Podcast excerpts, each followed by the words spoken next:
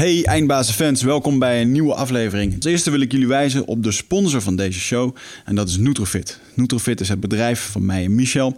Ehm, wij hebben ons de afgelopen jaren flink ingezet om uh, de grootste leverancier van Europa te worden als het gaat om supplementen voor je brein, zogenaamde nootropica. En op het moment dat je straks een keertje op een podium wil staan, of je hebt belangrijke presentaties, of je hebt uh, dingen te doen die uh, de nodige uh, mentale aandacht vereisen, dan kan ik je zeker adviseren om eens een keertje te kijken uh, bij onze uh, afdeling Nootropica. De supplementen die, die specifiek gericht zijn om jouw cognitieve vaardigheden te ondersteunen, zoals denken, creatief, creatief zijn, in de flow zitten. En uh, daar hebben we verschillende toffe merken voor die, uh, die allerlei mooie producten daar hebben. Bijvoorbeeld uh, Onnet, uit Amerika bekend. zeker voor degenen die vaker naar podcasts in Amerika luisteren. Ze sponsoren ook heel erg veel podcasts. Alpha Brain heb je misschien wel eens een keertje van gehoord. Of de Bulletproof Lifestyle. Dat wil zeggen, um, kennen jullie dat? Koffie drinken met boter en MCT-olie erin. waardoor je ontzettend scherp blijft, omdat het gezonde vetten zijn met een gezonde boost cafeïne. Het zijn allemaal manieren die, uh, die je kan bedenken om uh, beter te kunnen presteren. Uh, op de werkvloer of in je dagelijkse dingen. Dus ga daar eens eventjes kijken. Gebruik de kortingcode EINDBAZEN en je krijgt 5% korting. Vind je het niks, het product wat je hebt besteld, dan mag je dat terugsturen en dan krijg je gewoon je geld terug. Als tweede mededeling is dat Michel en ik een nieuwe groep masterminders gaan begeleiden. Dat wil zeggen dat wij 10 ondernemers dit jaar gaan begeleiden. Dat is de tweede groep waarmee we dit gaan doen. Eén groep die is in januari gestart met, uh, met waanzinnige resultaten. En daarom hebben we besloten om een, een, nieuwe groep op te gaan richten. Die zal waarschijnlijk starten in november. En, dan gaan we een jaar lang aan de slag met je onderneming.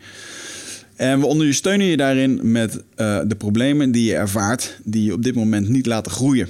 En vaak zijn we de grootste uh, het grootste probleem zijn we vaak zelf. Dus in zo'n jaar krijg je ontzettend veel inzicht over jezelf, over je business, over je onderneming. Uh, wat je daaraan kan verbeteren. Uh, dat doen we door met behulp van verschillende sprekers die bij ons komen. de sprekers die geven je inzicht over jouw persoonlijke gedrag, over je emoties, maar ook bijvoorbeeld over hoe je je bedrijf kan groeien, hoe je goede sales kan doen. Alles wat belangrijk is om de onderneming te laten groeien. Mocht dit je interesse hebben, kijk dan eventjes bij ons op de website op uh, eindbazen.nl.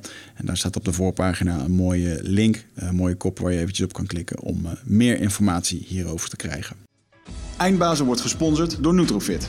De webshop voor natuurlijke voedingssupplementen en trainingsmaterialen die je helpen bij het verkrijgen van Total Human Optimization. Nutrofit is hofleverancier van merken zoals Onnit, Natural Stacks en Bulletproof Coffee. Probeer onze producten zonder risico door onze money back guarantee. Bezoek ons op www.nutrifit.nl. Bestel je voor 9 uur s avonds, dan zorgen wij dat jouw bestelling de volgende dag geleverd wordt.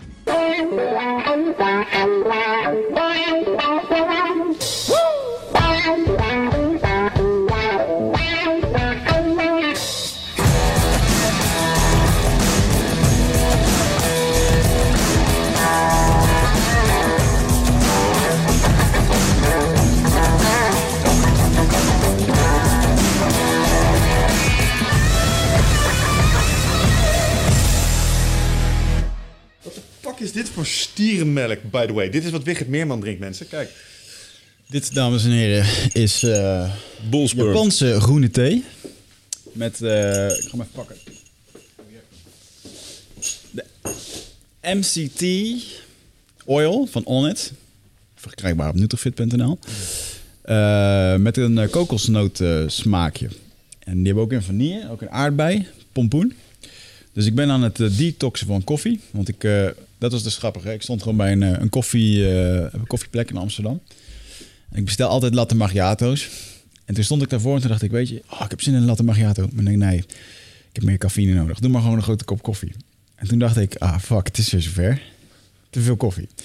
Dus ik drink eigenlijk koffie vanwege de cafeïne, weet je wel. En toen dacht ik, van, nou, ik ga dat nu helemaal zonder doen. Dus ik drink nu eigenlijk al twee weken geen koffie meer. Mm. De eerste twee dagen, drie dagen had ik weer hoofdpijn. Dus ja. gewoon afkicken. Dus ik ben nu uh, overgegaan op de, de thee. Gewoon eigenlijk bulletproof thee.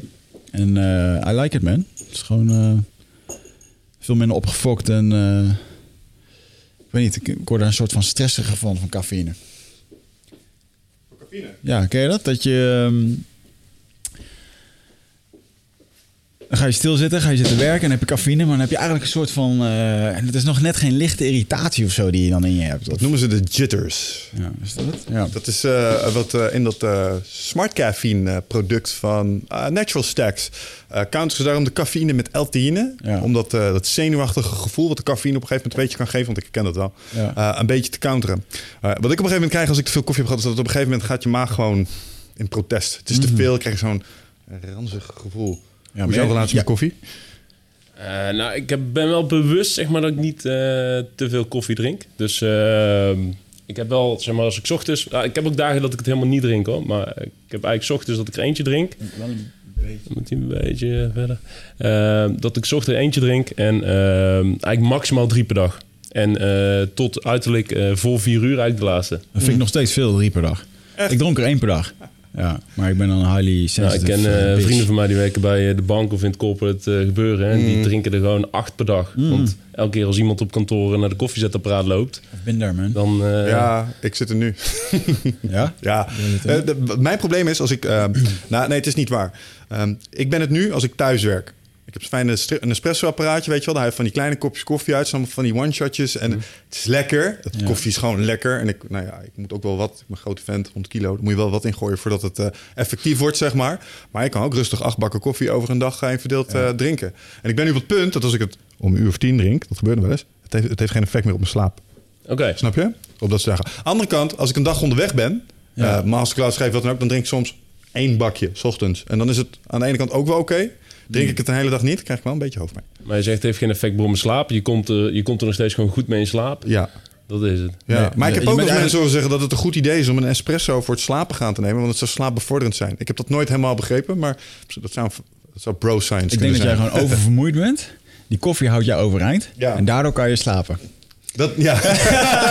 Dat denk ik dat het was. Nou, koffie kan eh, sowieso eh, kan het een goede pre-workout zijn. Eh, maar het is ook als je moe bent. eh, en eh, de meeste mensen zeggen van, oh, ik ben moe, ik drink een koffie. En dan krijg ik wel weer een van de kickstart. En dan kan ik weer verder. Alleen, eh, het is veel beter eigenlijk als je koffie neemt. 20 minuten een powernap neemt. En dan slaat die koffie pas in. En dan heb je meer energie. Want Dat is hem. het is een bepaald hormoon dat dan in...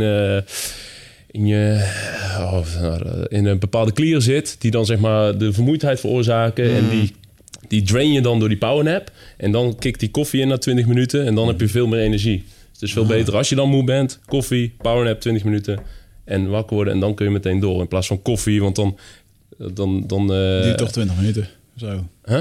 Duurt toch weer 20 minuten voor duurt 20 minuten inderdaad voordat het opgenomen was. Maar als je dan gewoon koffie drinkt, dan, dan heeft het een klein beetje effect. Maar dan heb je eigenlijk snel weer koffie nodig om dan weer eh, die, die vermoeidheid een beetje tegen te gaan. Ja, ik zat laatst mijn, eh, in mijn boek te schrijven over eh, een anekdote dat ik op kantoor sliep. En weet ik nog dat ik een keertje s'nachts wakker werd om vijf uur, omdat een of andere deur dicht viel en ik hoorde de alarmcode. En toen eh, dan beschrijf ik ook dat ik daar dan vervolgens uitging, uit het hok, naar mijn woonkamer waar ik dan eh werkte. Woonkamer. overdag, met 35 man. En eh, dat de eerste eh, werknemer binnenkwam, die dan een grap maakt van... hey, eh, woon jij hier of zo? Eh, ik zag gisteravond ook al je auto hier en eh, nu ben je zo vroeg hier. En, eh, ik zei, ja, daar lijkt het wel op, hè? En dan sluit ik dat hoofdstuk af met... eh, terwijl, dat, daar, daar lijkt het wel op, terwijl ik naar de koffieautomaat loop voor mijn vierde espresso. En dat is dan om half acht 's ochtends. Dat was toen mijn... eh, gewoon om vijf uur opstaan, koffie drinken en dan de hele dag door. Ik denk dat ik toen ook in de acht, negen dubbele espresso's op een dag kon zitten. Ja, man, dat is echt niet gezond. Mm. Nee. Daarom zie ik er ook zo oud uit. Heb ik rimpels, grijze haren. Maar het is ook, je zegt dan, oké, ik kan eh, nog koffie drinken tot ik een ons weeg en dat heeft geen effect op je slaap. Maar eh, in principe weet je ook niet wat de kwaliteit van je slaap is. Als jij vaak wa- wakker wordt en je bent nog steeds moe, of je hebt overdag als je iets aan het lezen bent, of eh, dat, dat je dit hebt, dan weet je gewoon dat je slaapschild hebt opgebouwd. Ja. En het kan ook de kwaliteit van je slaap natuurlijk beïnvloeden. Maar ik weet al zeker dat ik een slaapschuld heb. Ik denk dat een heleboel mensen in dat op zich een slaapschuld hebben. Wat, wat voor mij een hele, dat, dat is een goede indicatie waar je het over hebt. Als je 's ochtends wakker wordt en het is uh, en je kan je bed niet uitkomen. Ja, dat was voor mij altijd een hele sterke indicator dat ik echt richting oververmoeid ging. Je voelt het vaak in je benen echt. Dat je benen echt gewoon niet willen. Dat is echt dan... eh, ik ben nu voor een jaar vader van een tweede. En eh, slaap is daar best wel een dingetje in. ik bedoel, bij, de, bij de eerste was het al... Hadden we zeg maar een periode van een paar maanden dat het slapen... eh, een deficiëntie hadden. En nu met de tweede is het echt een jaar lang dat hij gewoon slecht slaapt. Hmm. Dus ik weet gewoon, waarom ze- ik ben oververmoeid en ik heb gewoon heel veel slaapschild. Dus ik probeer waar ik kan, zeg maar, eh, te dutten, eh, te mediteren, eh, die powernapjes te pakken. Gewoon om wat in te halen. Maar ik Ja. heb het vermoeden dat ik dat van mijn langste leven niet meer inhaal. Ik heb ook begrepen dat nepjes eh, lossen niet in op de slaapschuld.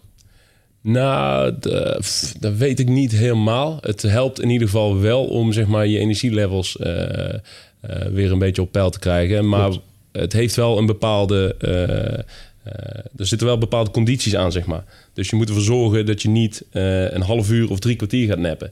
Eh dat komt vanwege het... eh, je hebt zeg maar eh, Ja, ja. de, de, voorslaap en de remslaap, et cetera. En in principe is die boog steeds eh, volgens mij 90 minuten. Eh, en na 20 minuten ga je zeg maar je diepe slaap in voordat je remslaap ingaat. Maar dit scheelt ook weer hoe snel dat je inslaapt. Want ik heb altijd wel even nodig voordat ik slaap. Dus Ja. ik merk dat mijn powernaps, die duren over het algemeen 45 minuten. Ja. En dan word ik echt fit wakker. Maar dat komt omdat ik gewoon even 10 minuten, eh, nou, soms wel langer, eh, een beetje liggen. En Ja. Ja, niet dat echt kan in ik dan weer niet. Ja, er zijn bepaalde weet het, trucs die je kunt aanhouden. Bijvoorbeeld als je ligt en je hebt je telefoon in je hand zeg maar, naast je bed. En als die telefoon op de grond valt, dan in principe ben je overgegaan in een diepere slaap. En dan moet je er eigenlijk uit. Dat kan een hele dure truc worden. Als je, als je, doen het met een sleutel. ja, ja oké, kan ook iets anders zijn. Ja, een bossleutels, Eh, dat is of de- beter misschien. De, ja. de, ming- de, de mingvaas van je moeder of zo. weet je wel. Zoiets, ja. Ik ben telefoons op deze niet te noemen. Niet je kind gebruiken. Dus, eh, Ja, ja nee. de- wat ik niet kan is eh, eh, overdag dutten vind ik moeilijk. Maar s'avonds uh, slapen, maakt niet uit. 9 uur, 10 uur, 11 uur, 12 uur. Ik ga liggen, ik ben weg. Maar dat heb ik altijd wel redelijk makkelijk gehad. Als het echt slaaptijd is, is het slaaptijd. Mits het mijn slaapkamer is. Dat is trouwens wel een belangrijke voorwaarde. Ja, ik, ik heb zeg maar een verleden van reizen met de auto naar Marokko Ja. elke zomer. Eh, wij waren dat gezin ook, ja. en eh, ik kan in principe overal en altijd in elke positie of houding wel slapen. Daardoor slapen. Ja, Ja. Ik ben één keer in slaap gevallen in een stripclub in Polen. cool. Werd eruit geflikkerd door de uitsmijter, want Snap dat ik. hoort blijkbaar niet. maar ik kan dus echt werkelijk waar overal gewoon in slaap vallen en slapen. Het was, geen, het was geen mooie show. Ja, ik wou het zeggen. Lag dat aan de dames of was dat gewoon omdat jij oververmoeid was? Ja, beide en de vodka, denk ik. Want, eh, De vodka zal niet geholpen hebben. nee. Anders kom je ook niet in de stripclub. Nee, ja, klopt. vodka. Man, je triggert, je triggert echt jeugdtrauma's met eh, verhalen over eh, in de auto zitten op vakantie. De- wij, wij moesten ook mee naar Frankrijk. Nou, dat is natuurlijk de helft maar zo erg als naar Marokko in de auto, denk ik. Ja. als wij dan op de camping stonden, dan moest jij nog eh, een dag of drie, denk ik. Maar dat was, heb jij dat wel eens moeten doen? Ja, Achter in de auto met een vouwwagen of Ja, met een we hadden, caravan? ja, we hadden wel het geluk dat we wel een... eh, mijn eh, stiefvader was altijd degene die reed. En die had altijd van die grote station Volvo's. Dus voor ons was dat pretty comfortable. Ja. En ah bed ja, ik weet nog wel, jongen, dat ik met mijn broer op een gegeven moment raak je gewoon verveeld. Je kan niks en je zit uren in die fucking auto. Ik weet nog wel dat, eh, en dan lagen wij te, te klooien achterin. Ik weet nog wel dat hij een keertje echt gewoon fucking pissed off de eerste afslag nam en gewoon de deur opendeed en we gewoon een vet om mijn oren hadden. Mijn broer ook, hij zo lagen te klooien, weet je wel. En die houden die mond dicht en dan, oh, weet je wel. Ja, ja, ja, dat kan me voorstellen hoor. Twee wij zaten met z'n drie op de achterbank. Ik en twee zussen. En eh, mijn vader was iets efficiënter, want die was gewoon aan het rijden. En als we moesten stoppen, dan sloeg hij gewoon zo en wie, wie die dan ook raakte, maakte uit. Maar dat was ja, oh, dat is echt universeel dit. Dat, eh, ja, dat hadden wij. Mijn moeder was op een gegeven moment wat slimmer geworden. Die had dat een paar zomers aangekeken en die dacht, dit is niet handig. Dus op een gegeven moment, dat was toen hip, kon je van die soort van zakken maakten ze met allemaal van die vakjes. Oh ja, En die werden dan aan de achterstoel gehangen. En daar zaten dan stripboekjes in. En snoepjes voor de hele reis. Zodat je wat te doen had, zeg maar. Dat, was een soort, en dat was voordat je van die entertainment scherpjes op je achter... op de stoelleuning kon hangen. Zodat je kids gewoon eh, lekker konden gamen. Dan kreeg je van die boekjes en zo. Oh, zo vaak als ik misselijk ben geweest van die haarspelbocht... omdat ik een Donald Duck probeerde te lezen ondertussen. Dat had ik ook met dvd'tjes kijken in de auto. Want dan had je zo'n portable dvd-speler. En dan was luxe. ging je zo'n dvd kijken die je al honderd keer had gezien. Maar ik werd, ik word meteen, als ik überhaupt al, als ik de kaart moest lezen... of als ik even iets moet opzoeken op mijn telefoon, word ik autoziek. Oké. Dus eh, dat was sowieso niet aan mij bestemd. Mm. Ja. dat was bij ons geen optie. Autoziek. Je moest 3000 kilometer rijden of zo, dus ja. Ja, dat is lang, man. Ja, Waar moest je dan heen? Eh Kenitra. Dus eh, dat is eigenlijk langs de kust. Net boven Rabat, een half uurtje boven Rabat, boven de hoofdstad. Ja. Dus dat, en toen waren er nog niet echt snelwegen en zo in Marokko. Nu wel, dus nu doe je er een stuk korter over. Hoe blij ben je dan als je over bent? Als je, Als je over bent. Ja, over was eigenlijk al, dan zijn we bijna thuis. Het was nog vier uurtjes of zo. En dan was, je, dan was je bijna thuis. Je stopt altijd bij hetzelfde café. Ik met van die eh, soort bijna rieten blauw-witte stoeltjes. Dat weet ik nog wel goed. stopten we dan, even een ijsje eten, even drinken, even relaxen. En als we in Marokko waren, dan waren we eigenlijk gewoon over. De final Soms leg, ook bij de ja. boot zelf, jongen. Dan was net de laatste boot weg of zo, of had je pech gehad onderweg. En dan moest je gewoon acht uur daar wachten op de Ja, parkeerplaats. ja. Samen met alle andere Marokkanen die over wilden. Ja. Dat was op zich ook wel tof. Ging voetballen en zo heel de nacht. Ik En, wil zeggen, dat zou gezellig kunnen en, zijn. en alle vaders sliepen dan gewoon op een eh, matje naast de auto en zo. eh, Dat soort Ja, dingen. ja, bizar ja. Ik ben ook een keertje in Tagazoet geweest. Ja. En toen gingen we daar surfen. Autootje gehuurd. en eh, we zouden daar in twee uur moeten zijn of zo. Ja, joh, wij rijden, rijden donkere wegen. Helemaal niemand. Allemaal die rare gasten. S'nachts pikdonker langs van die weggetjes, weet je wel. En we hadden dus de, de weg genomen langs de snelweg. Hadden we Ja. verkeerde afslag. Dus gewoon, eigenlijk hebben we binnen doorgereden. Echt... eh, ik denk, we komen hier nooit levend uit. maar ja, we zijn wel aangekomen. Ah, surfen kan je wel heel goed in Marokko. En thuis is wel echt vet. Zijn we toen ook eh, een paar jaar geleden een beetje doen. Ik Ja. vriendin. Hoe relaxed daar. Hoe lang bleef je daar dan? Eh, we hadden een mid, vijf dagen hadden we in Tagazout. We hadden een hele rondreis gedaan in Marokko. Ik met mijn vriendin. En eh, eerst naar de familie een paar dagen. Marrakesh, uh, Agadir, eh Fes, al dat soort dingen. Toen Tagazout eh vijf dagen. Essaouira nog een paar dagen. En dan weer terug naar de familie en dan terug. Hmm. Nee, ik bedoelde, ja, ik bedoelde Oh, je bedoelt, als je dan eh, met je ouders daarheen ging en je had net drie uur, nee, hoeveel, zes dagen in de auto gezeten. Nou, nee, mijn pa was wel heel efficiënt hoor. Die kon rijden als een malle. ja. Dus eh, die, die reed daar gewoon twee dagen, als een beetje pech hadden, tweeënhalve dag heen. Wat? Dus, ja, die reed non-stop. Dat was niet normaal. Dus eh, onze enige taak was ook, zeg maar... Als En je wakker voor, houden. voorin zat, praten tegen mijn vader en hem wakker houden. Want eh, Gevaarlijk, man. ja, ja, uiteindelijk, ja, als je terugkijkt... Er eh, komen meer ongelukken door dan eh, drank en, en rijden. Hè? dat- Oververmoeidheid. ja, je overschat jezelf gewoon. Ja, je merkt het niet. Je, Heb je wel eens in de auto zo vermoeid gezeten dat je echt op een gegeven moment even Ja. dit moest doen? Ja. Ja. Dan, dan was je al gewoon, dat hoorde ik laatst, dan was je gewoon al aan het slapen. Er was één hersenhelft was uit, omdat hij het eigenlijk niet meer trok. En dit was echt de laatste kans die hij had om actief te blijven. Dus dan deed hij maar even dit, dan was je er weer even. Wow. Ja, dat is echt het dat, dat, dat benadrukken ze daar echt in die podcast ook zo. Zet je auto aan de kant. Want Ja. nu ben je echt, echt een gevaar voor alles en iedereen. Ja. Ja, want je, zodra je wakker wordt, dan voel je in één keer die adrenaline van... oh shit, ik heb mijn ogen even dicht gehaald. Hoe lang? Waar was ik? Ja. Waar was ik? En dan ben je in één keer weer even wakker, totdat het weer zo gaat. Levensgevaarlijk. Ja. Hey, maar hoe lang bleef je daar dan? Gewoon om het eh, verhaal nog even af te Echt maken. eh, vijf weken of zo. Vijf weken, ja, want ik kan me- Standaard... eh, Ik kan me voorstellen dat als je na een paar dagen bent en we blijven hier nu een week, Ja. eh, dan kijk je weer op tegen die dagen terug. Maar, eh, Nee, nee, nee. Het was echt vijf weken standaard tot ik 14 of 15 was. Zo heb ik dat gedaan. hmm, Dus elke lach keer. aan. Ja, waar, waar we namelijk over hadden net eh, voor de podcast opnemen was eh, eh, het trainen met kettlebells. Ik had een Ironman kettlebell van Wichtgard. Dat is bij mij thuis bezorgd. Ik heb hem even voor hem uitgeprobeerd. 18 kilo. Is mooi om mee te trainen. En toen kregen we het over de verschillende oefeningen die je ermee kon doen. En Wicht had daar een hele gerichte vraag over. Ja. Naar aanleiding van zijn trainingen bij Frans Reinoud. Hoe zat dat? Nou, omdat Frans Reinoud die personal traint mij. Dan moet ik zeggen dat ik de laatste tijd heb ik hem vermeden. omdat ik die kleine van mij heb. Maar, en daar komt toch wel heel vaak in terug. Ja, je moet gewoon deadliften en squatten om je benen te kunnen trainen. En ik heb thuis wel een paar ringen hangen. En dat is voor mij de ultieme eh, home workout. Gewoon van die, eh van die turnringen. En ja, joh, daar kan, ik, eh, daar kan ik mezelf echt helemaal op leeg trainen. Ik merk dat ik er sterker van word. Ik kreeg gisteren tijdens jiu nog te horen van... hé hey man, je bent echt sterker geworden in je armen. Dus dat is goed. Alleen ehm, het, het deadliften en het, en het squatten... dat mis ik nog wel een beetje. En dat doe ik het liefst met stang. Ja. Alleen dat is geen optie bij mij thuis. Nee. Ehm, dus daarom een kettlebell. Maar vandaar de vraag aan jou. Kan je eh, deadliften vervangen met een kettlebell? Ja.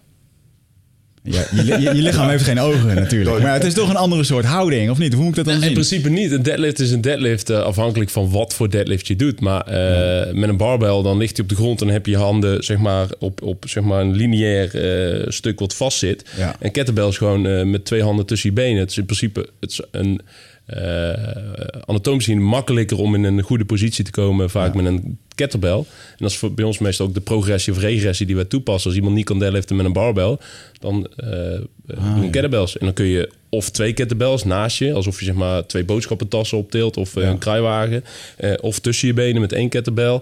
Je kunt het bilateraal of unilateraal, dus met één been. Je, je kunt alle varianten van een Ja, deadlift ja. kun je toepassen. Ja, dan, Zelfs wel meer dan met een barbell. dan is 18 kilo wel weer weinig met twee Juist, dat is dan meestal de afweging dat 18 kilo, eh, of in ieder geval, eh, eh, ja, dan om daar een beetje zeg maar, in een bepaalde zone te komen, dan moet je wel heel veel werk verrichten. Heel veel setjes of heel veel herhalingen. Een kettlebell laten versturen via een vliegtuig van 160 kilo is wel heel veel. Maar, moet ik eerlijk zeggen, hey, ik doe geen 160 kilo. Ik, ik weet niet meer. Volgens mij heb ik gewoon mijn top. Ik denk misschien een keertje 120 of zo. Kan. Ja. Double, double body double bodyweight deadlift. Dat zou toch een beetje je doel moeten zijn? Heb ik me ooit laten vertellen. Ja, volgens mij eh, was dat ook in jullie podcast als je het had over sterk. Wat is sterk? Eh, volgens mij was het ook eh, double bodyweight is bij sterk. Beetje Sterker dan gemiddeld in ieder geval. Ja. Dus ik zit daar, nou, als ik wat zou afvallen, zit ik daar wel aan. als ik nog wat meer zou afvallen, zit ik daar wel aan. Maar ik zit daar momenteel ook niet aan. Maar dan ben je sterker dan gemiddeld. Ik denk, hoop mensen kunnen hun eigen gewicht nog niet eens tillen. Nee, nee. Dus wel Maar dat is dat is sterk dan gemiddeld. Dan ben je volgens mij, dat is sterk. Ja, Fysiek gezien. ja, ja, ja. ja. Twee Je keer je eigen eigen lichaamsgewicht één keer zou kunnen optillen. Ja, dat is voor de meeste mensen wel heel moeilijk. Je eigen lichaamsgewicht optrekken. Ja. Maar eens hoeveel mensen dat niet kunnen. Ja, daar heb je ook standaard voor. Ik geloof dat in het leger is het... eh, je, elke vrouw moet het drie keer kunnen, elke man tien keer, geloof ik. Strikt. Ja. Wat echt helemaal niks is op het moment dat je dat eenmaal traint. Strikt vanuit een dead hang, hè? dat is ook nog wel eens Strikt vind ik verschillend. nog wel, nou, strikt 10, dat voel ik wel hoor. Dat doe ik er niet eh, Ja? Oh, met dat- liefde nee. drie setjes van of zo. Nee, echt niet. Ja, maar als je dat even, als je dat twee maanden oefent, dan kan je dat. Ja, zeker. Nee, maar dat, Dat zeg jij wel, maar... weet Is dat dan mijn eh, spiergeheugen wat dan... eh, ik bedoel, want als ik er nu aan hang... en jouw, jouw kracht-gewicht-ratio is dan beter. jij Dat, wat daar ligt het heel vaak. 70? 70, 82. Dat is heel vaak zeg maar het, het, eh, eh, het gesprek, het, het eh, moeilijke gesprek dat je soms moet voeren met mensen. Die zeggen, ja, ik train al een jaar of twee jaar en ik kan nog steeds geen pull-ups. Ben je in kracht toegenomen? Ja. Weet je, als je meer kunt trekken, meer kunt duwen qua gewicht, dan ben je in kracht toegenomen. Eh, maar eh, soms zit een stukje aan, aan een LED-activatie, maar dat daar gelaten, wat bij vrouwen wel een stuk moeilijker is dan het te zien. Maar ehm, eh, sommige mensen zijn gewoon te zwaar voor de kracht die ze op dat moment hebben. En dan heb je twee opties. Of je moet heel veel sterker worden, of je moet gewoon afvallen. En vaak als mensen een paar kilo afvallen, dan merken ze in één keer... hey, er gaan, er, gaan een heleboel dingen makkelijker. Vooral bodyweight oefeningen gaan een heel stuk makkelijker. Daar heb ik wel een vraag over. Ik weet nog dat ik eh, begon met eh, trainen aan mijn pull-ups en zo. Nou, ik moest eh, in dat opzicht qua krachttraining best wel ver komen. Ik was het ook niet zwaar. Ik, ik geloof dat ik ook... Toen ik, voordat ik begon met krachttraining destijds... de 85, 90 maximaal liep ik op rond. Dus ik was niet super sterk. En toen weet ik nog dat ik uh, naar Noël wel eens appte... hey, uh, een foto van zo'n apparaat, weet je wel... die met je knieën, Ja. die je ondersteunt. Ja. Zo van, joh, wat vind je hiervan? Want ik merk dat ik gewoon best wel lastig vind... om die pull-ups gewoon strikt te maken. Ja. Stiekem, dat werkt hier op een of andere manier. Wat vind je? Toen kreeg ik terug, don't be that guy. Weet je wel? Laat het aan Noël over om daar zonder doekjes omheen... eh, Wat vind je van, wat- maar wat vind je van zo'n manier als het dan toch over pull-ups gaat... om je pull-ups verder te ontwikkelen? Of zeg je nee, dat moet je echt... Wat hij zei was, ga neck reps doen. Ja. Spring in, Negatief. laat hangen Ja. en, en ga terug. Want dat is waardevoller als ondersteund op en neer kunnen. Ja, want wat dat het doet, het is in principe in je moeilijkste punt gaat hij het meeste ondersteunen. Ehm, en eh, ja, da- da- daar win je niet zo heel veel kracht mee. Je kunt beter negatives inderdaad trainen. Maar je hebt, we hebben in onze gym hebben bijvoorbeeld push- en pull mappen.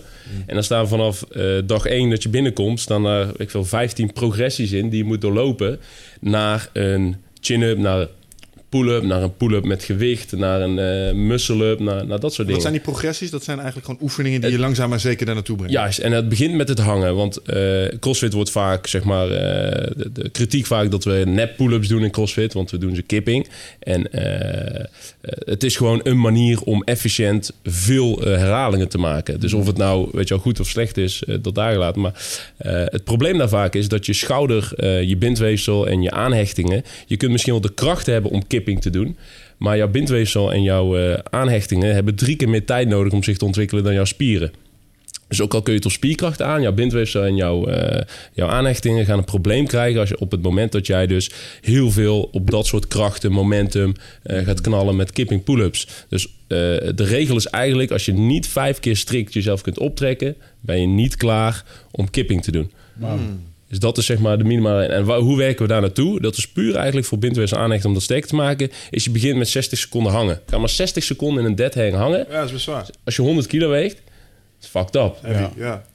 En, Ja, als ik schouderlast heb, probeer ik altijd hangtime te genereren. En dan pak ik echt minuutjes op de klok. En dan probeer ik wel eens dapper te doen. Ah, ik ga voor anderhalf minuut deze keer.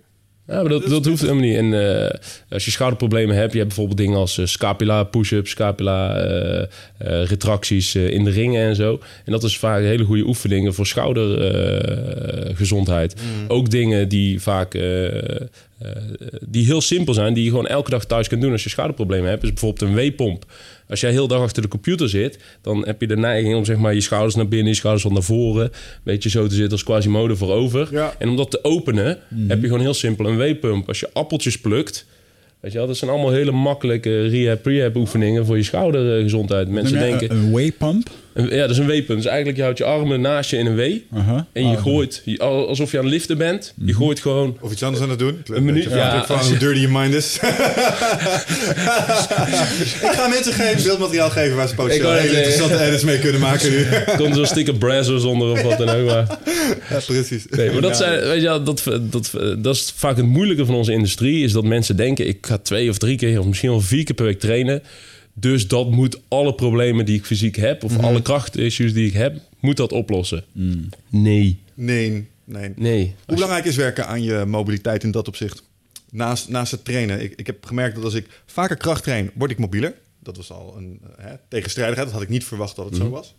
Ehm, maar parallel daaraan deed ik nooit echt iets als ondersteunend yoga of echt prehab, rehab eh Ja. oefeningen. Ehm, zijn ze ook echt nodig voor, voor je om ze, om zo gericht te kijken? Want ieder mens is anders. Ik heb echt wel wat beperkingen in mijn schoudermobiliteit. Dan zijn ze nodig. Dan, dan, zeg je ook, alleen maar een beetje trainen ga- gaat niet voldoende zijn. Nee, het, we, we hebben bijvoorbeeld mensen die, eh, eh, die... Als je altijd schouderproblemen hebt... eh, dan, hoeveel waarde heeft het dan om heel erg krachttraining te doen... als dat je pijn oplevert? Eh, ja, thuis moet je, als je niet kunt squatten... Mensen willen heel graag barbell back squats doen. Vinden ze super tof. Enerzijds, weet je wel, schouderpositie is niet ideaal. Dus als je schouderproblemen hebt... kan dit ook weer een nare positie zijn voor je schouders. Plus als je niet kunt squatten of niet diep kunt squatten... eh, omdat dat een mobiliteitsissue hebt... ja, dan gaan we niet... eh, dan is een barbell squat dus niet ideaal. En ook om terug te komen op jouw ding met kettlebell... je kan heel simpel barbell squats vervangen door goblet squats... Ja. Of, of eh, front squats op deze manier. Ja, Ja, dus goblet is met die kettlebell voor je. Dan, gewoon die dingen voor je kin, ellebogen naar binnen. Leuk En- voor je, van Noël. Deaf by Goblet Squat. Ja, Ja. Echt- eerste minuut 1, tweede minuut 2. Echt Ja. stereo. Je moet beginnen op Echt 5, zwaar. ja. Oh ja, ja, ja, ja, ja. tot 20 en dan Ja. terug. Dus, eh, dus dan is, als, als het limitaties oplevert, is het heel belangrijk om daaraan te werken. Ehm, en, eh, voor, en als het zeg maar eh, in, in, eh, in lijn is met welk doel je hebt, net zoals Olympisch gewichtheffers, die hebben er heel veel bij om zeg maar een hele goede heupmobiliteit te hebben. En overheadmobiliteit. Dus die werken daar heel erg aan. Maar dat zijn Olympisch gewichtheffers. Hoe sta jij tegenover mobiliteit voor hoge middels dingen als ehm, bijvoorbeeld foam rolling en dat soort dingen? Smile of facial release. En... Nou, ja, dat, dat, zijn, dat zijn van die dingen die dan in één keer opkomen en die dan super populair zijn en meteen een adaptatie vinden in allerlei sportscholen en alles. Maar ehm, eh, en, eh, wij zijn ook zo geweest hoor. Wij zijn ook zo geweest in, eh, in het kader van eh, brood is dood. Weet je wel, brood eten, dat Ja, je ja, ja, ja. aan. En, Ik kan me de post van Leroy herinneren, Ja. hij daarop terugkwam, Ja, heel nobel. Dat was En- netjes van hem. en eh, het is wetenschappelijk niet bewezen dat het enige vorm van eh, positieve adaptatie teweeg brengt. brengt.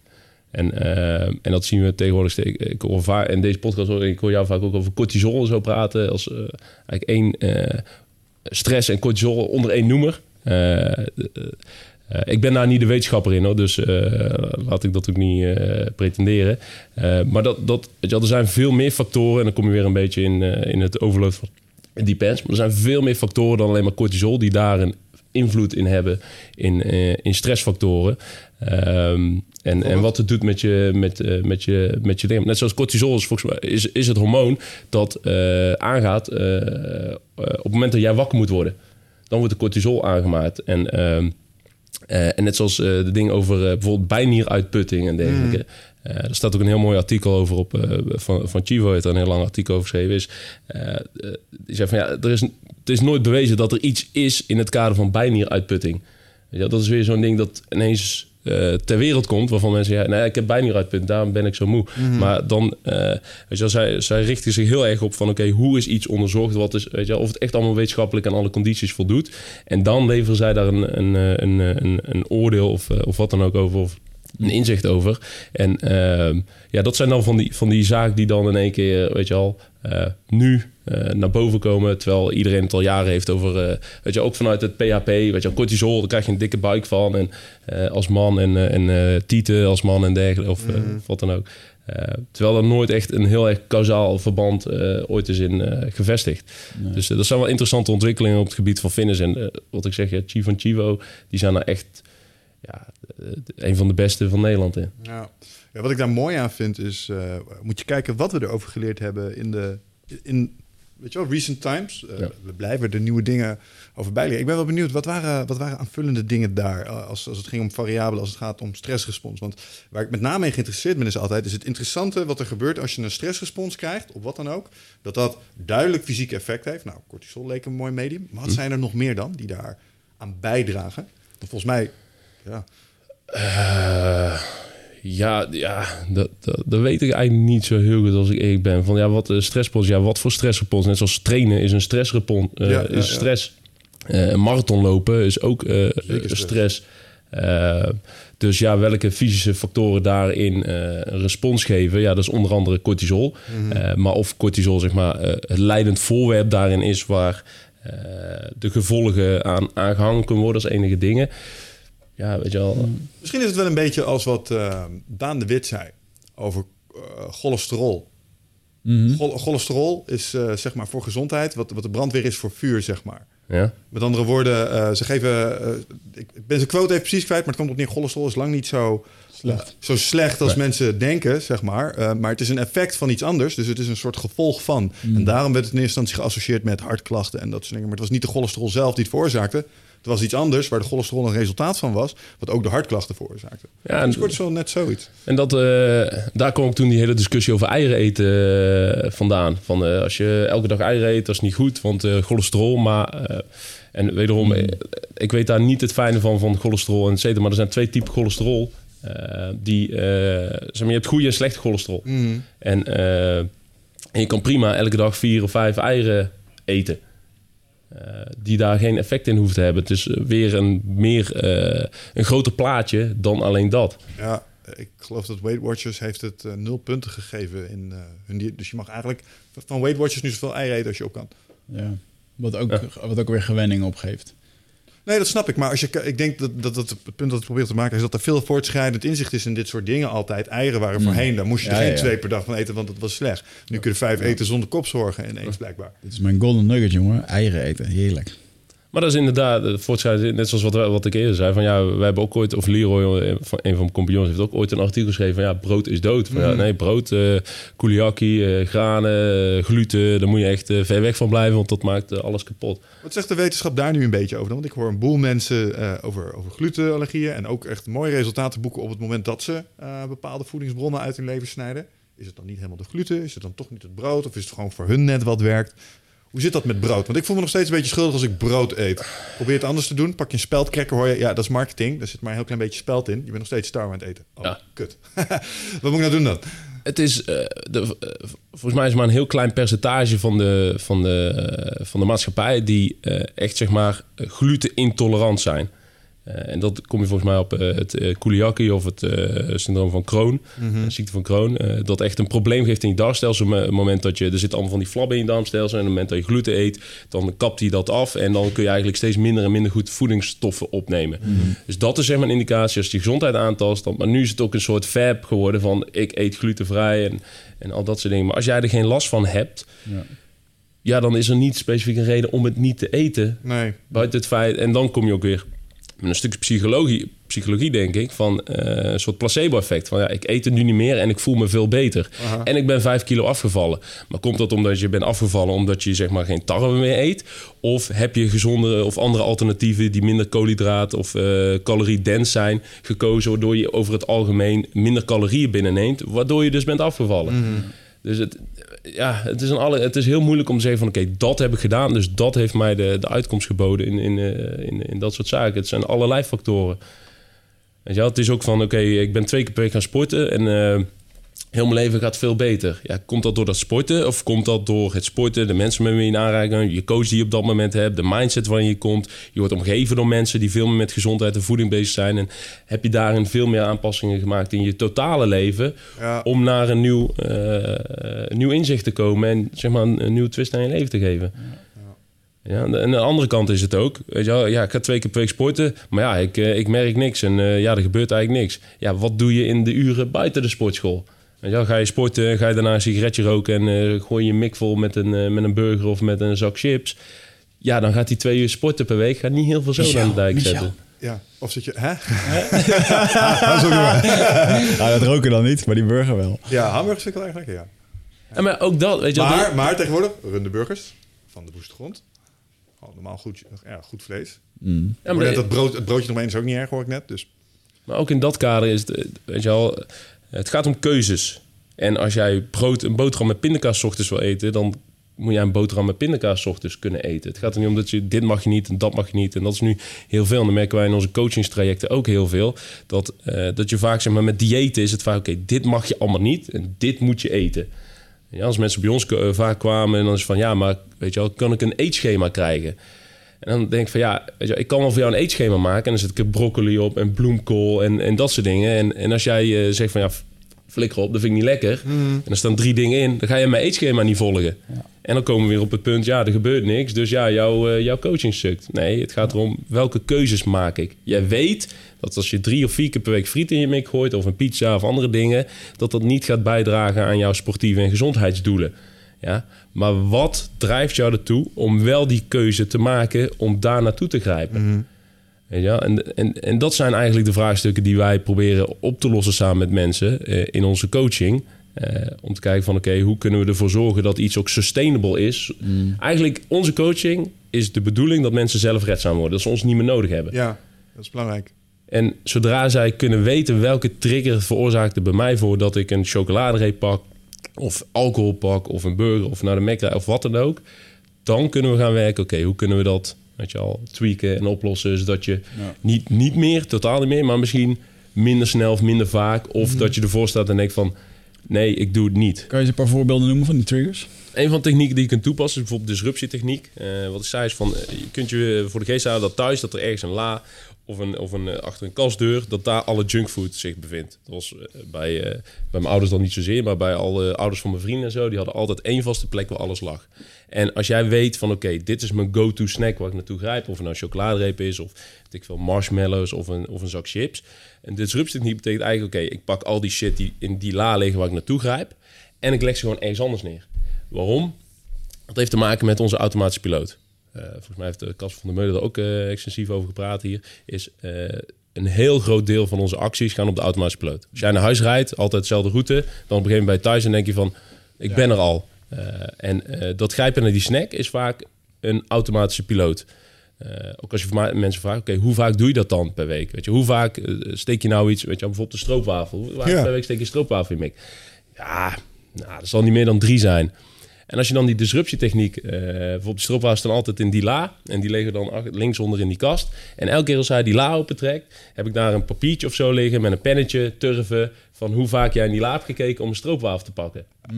En dan gaan we op een gegeven moment turven en dan denk ik van, holy shit, ik eet er gewoon tien per week of zo. Ja, ja, ja. ja. Tien keer per week kijk ik in die lade. En dat is dan een disruptietechniek, zodat je eigenlijk heel bewust wordt van de, de slechte gewoontes in jouw automatische tiende piloot. vinkjes mag je jezelf belonen met een stroopwafel. Ja, Ja, omdat je het zo goed hebt bijgehouden.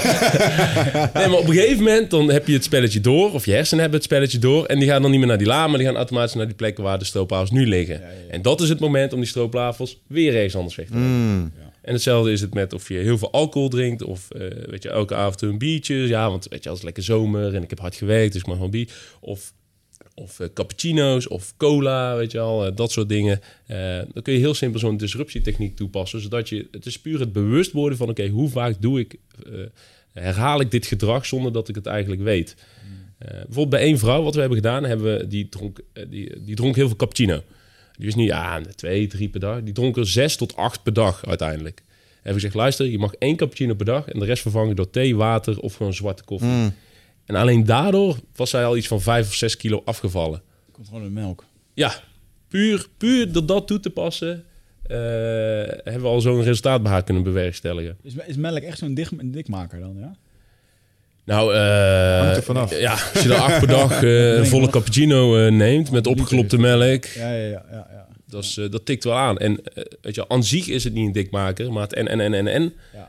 tikt aan. En dan komen we op het, op het grote geheel en dat is gewoon je energiebalans. Het maakt ook niet uit als je super gezond eet, maar je eet er veel te veel van, dan kun je nog steeds aankomen of niet afvallen. Mhm.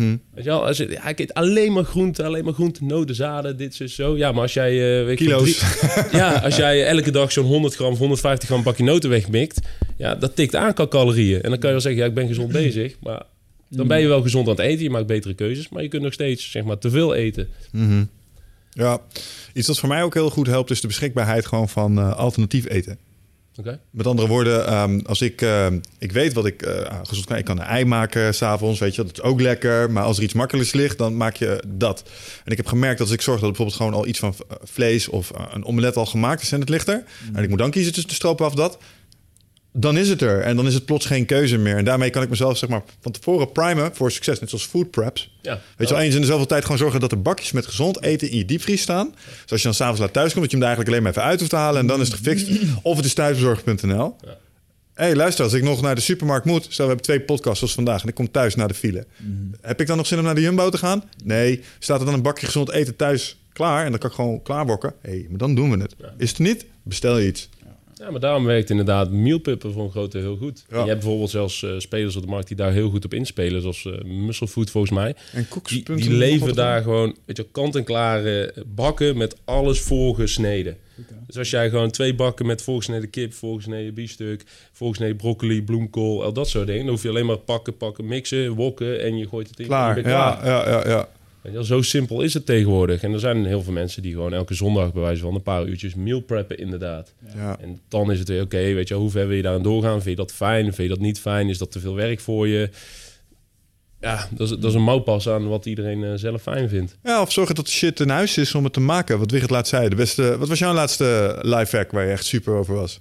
Super laag hangend fruit, maar... Albert Heijn die het gewoon bezorgt tot in de Ah ja, koelkast. tot in de koelkast. Ja, maar dat scheelt mij echt. eh, wanneer ga ik naar? Wanneer irriteer ik me als ik in de Albert Heijn sta? Op het moment dat ik honger heb en ik moet boodschappen gaan doen. Ja. Dus altijd na inderdaad een dagje podcast of zo. En dan word ik nog even geappt van, hey, neem dit nog even mee. En dacht op een gegeven moment, joh, en met die kleine erbij en al die dingen. Nee, ik wil dit gewoon niet meer. Dit is zo'n, ik vind het niet leuk. Het is gewoon niet relaxed en het kost super veel tijd. Dus nu heb ik een, eh, een aantal lijsten. Ik heb zelfs een, eh, een lijst als wij hier een mastermind hebben. Dan klik ik daarop en dan heb ik gewoon de boodschappen voor de mastermind. Ja. Ik heb een, eh een Oh, standaard bestellingen. Standaard, Ja, oh, een top man. Lijst. Ja, nu ben ik dan, eh, ik was vorige week bij eh, Richard Let. Ik was erg geïntegreerd door zijn, of erg geïnspireerd door zijn praatje hier. En ja, afwisseling is wel een hele belangrijke in, Ja. vo- in voeding. En eigenlijk, als je dan kijkt hoeveel dat je echt afwisselt, valt echt vies tegen. joh. Meestal Als je kijkt naar de groenteafdeling, hoeveel vaak dat je iets nieuws probeert, dat is echt bijna nooit. Dus ehm, ik, wat ik nu is mijn volgende plan om eh, verschillende lijsten te maken. Bijvoorbeeld week 1, week 2, week 3, 4. En dat je daar iedere keer in afwisselt. Dat je Top, man. eh, Ja. Als je dan echt, ja, als je die lijn doortrekt, dan kun je plots gaan kijken, als je dat een tijdje doet, oké, hoe zorg ik er nou voor dat ik bijvoorbeeld, oh, staat er al champignons in? Want ik wil meer magnesium in mijn Ja. eh, voeding hebben. Dan ga je wat meer paddenstoelen eraan toevoegen. En dan, dan kom je erachter, oh, ik heb iets meer vitamines nodig of zo, vitamine D, weet ik veel. We gaan meer vis erin gooien. Ja, hij of, erg van de paddenstoelen van die van de zwamme inderdaad. Portobello's en dat soort dingen. dat is lekker, jongen. Een broodje portobello. Een hamburger tussen twee van die champignon dingen. Dat Oh, is ja, echt ja, ja. lekker als je denkt. Ja, Ja. dat is goede shit. En het vult ook nog een keertje goed. Roomkazen. Ehm, maar hey, voor 2,50 komen ze bezorgen. Voor 2,50 rij ik denk ik niet eens op en neer met alles wat er van je auto afgaat. En, eh, Nee. Even los van je uurtarief eh, en de tijd die er staat. Ja, dat sowieso een uur. Ja, Ja. zeker. Dus eh, Ja, je merkt denk ik wel dat eigenlijk als, eh, als je kind gaat, gaat lopen en zo en echt dingen wil doen, dan is de supermarkt ook alweer gewoon een, een uitje. oh ja, dat, ja. Dat is het voor mij momenteel kunnen ze, even, tenminste. kunnen ze even uitrazen. Kunnen ze even uitrazen, kunnen ze even rondrennen Ja. en dan kunnen ze, kan ze er eigen de, de poffertjes of wat dan ook kan ze pakken en eh, Ja. dat vindt ze helemaal leuk. Zolang je er maar voor zorgt dat het er niet zo een wordt die dan zich laat vallen in het pad bij de snoepjes, nee. omdat het zijn zin niet krijgt. nee, nee, dat klopt. Dat ja. vind ik heel moeilijk om te zien altijd. Dat is, de ultimate, dat is de ultimate test voor jouw eh, consequentie. En eh, voor zijn kind is het gewoon testen. Ja. Hey, lukt dit? Nou, doe de volgende keer weer. Nou, ik heb wel gemerkt dat met onze dochter, dat is echt een opstandeling. Dat is niet normaal. Wie zou ze dat hebben? Ja, dat weet ik niet. ja, ik weet echt. Ze heeft wel mijn temperament in ieder geval. Dus dat is een hele goede spiegel. Daar word ik helemaal gek van. dus ik kan, me niet ik kan me voorstellen hoe mijn vriendin zich heel vaak voelt. Dus, eh, sorry. Shout-out. Online excuses. Top. Eh, maar eh, van tevoren afspraken maken. En je zult je verbazen hoe goed je afspraken kunt maken met een kind. Soms ook helemaal niet hoor. Dan is gewoon heel veel scheid aan, doet ze wat ze zelf wil. Maar van tevoren afspraken maken, heel helder. Eh, voordat ik maar de, de supermarkt in ga. Bij mij levert ze nooit problemen op eigenlijk. Wel eens zo van, nee, ik wil nog dit, ik wil nog dat. Zeg, nee, dit was de afspraak toch? Oh ja, oh ja oké, nou. Dan gaan ze. Ja, maar dat hoef je maar één keer eh, niet consequent te doen. Of uit heel wat heel veel ouders doen uit schuldgevoel, maar eventjes dit of een ijsje. Ja. Ik hoor dat zo vaak, jongen. hey, nu normaal doen, anders krijg je straks geen ijsje. Nee, ja. Maar dat is zo slecht, want je, weet je, zit gewoon een kind gewoon te manipuleren. Nu is het een ijsje, maar wat is het als ze 18 jaar zijn, weet je wel? Ja, moet je nou, meteen inderdaad. beginnen met de dreiging van geweld? Want dat houdt zeg maar, stand over de leeftijd heen. Ja, dat snap Meteen ik. zo je handje Eh, laten. ja, zo, Wel de achterkant dan. Ja. Dus, eh, Nou, we hadden het er net over. Ik heb vroeger echt wel eens een keer een uh, opvoedend tikje van pa gehad. Ik ben blij dat ik me gehad heb. Draai mijn oren. Ja, zeker. Ja. Mijn vader die had iets heel, die had iets, eh, iets heel vilijns. Eh, die sloeg je niet zozeer. Die had twee vingers. En als hij dan echt boos was, dan tikte hij er zo tak mee op je borstbeen. Dat moest je Oh, doen. Dat, Oh, dat ja. voel je best wel. Maar het is niet echt super. Maar oh, ja, oké, oké. Je Mijn pa ja. had ook zien, maar die deed dan in de ogen zo. Nu komen de verhalen met Ja, ja, mooi. en, eh, Batons en dat soort dingen. Ja, Oude Marokkanen. En toen zat ik net te denken toen ik jou hoorde praten over, ehm, eh, over je kinderen, zeg maar. En hoe je daarmee omgaat eh, met de supermarkt. Ik denk dat het, dat dat achterlijk veel lijkt op jezelf conditioneren als het ging over bijvoorbeeld voedingen waar we het over hadden. En hetzelfde geldt voor cliënten. Het is denk ik allemaal een- set aan gewoon duidelijke afspraken maken. Ja. Weet je wat Wigger nu ook gewoon punt doen? Die lijsten die jij maakt zijn eigenlijk gewoon afspraken met jezelf. En, en, eh, dat, en dan komen we eigenlijk op de tweede eh, trucje, zou ik het even dingen in noemen. Maar het tweede wat, wat je kunt toepassen is een gewoonteschema ophangen. Voor mensen die heel veel moeite hebben om zichzelf naar de sportschool te slepen. Want bewegen, sporten, trainen is een essentieel onderdeel van een gezonder en vitale en fitter leven. Dus dat, dat, dat, dat moet gewoon. Eh, en bewegen kan alle vormen. Hè. Als jij een half uur per dag, en dat weten jullie ook, een half uur per dag gewoon stevig wandelt.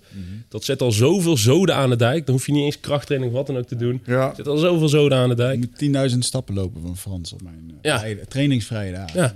En dan op dokter in de kinderwagen en gaan met die banaan. Ik vind het grappig dat je zegt, want Michel en ik gaan aan het einde van het jaar een programma lanceren vanuit Eindbazen over eh, gewoontes en, eh, en ochtendrituelen en dat soort dingen. Daar kan je veel van leren. En voor niemand is dat hetzelfde. Ja. Maar het zijn de gewoontes die een persoonlijkheid maken. Of die de persoon maken. Maar- Maar als je in dat... Dan, dan zou ik echt adviseren, een nodige keer Chi uit van Chivo. Da- die is daar echt eh baas in.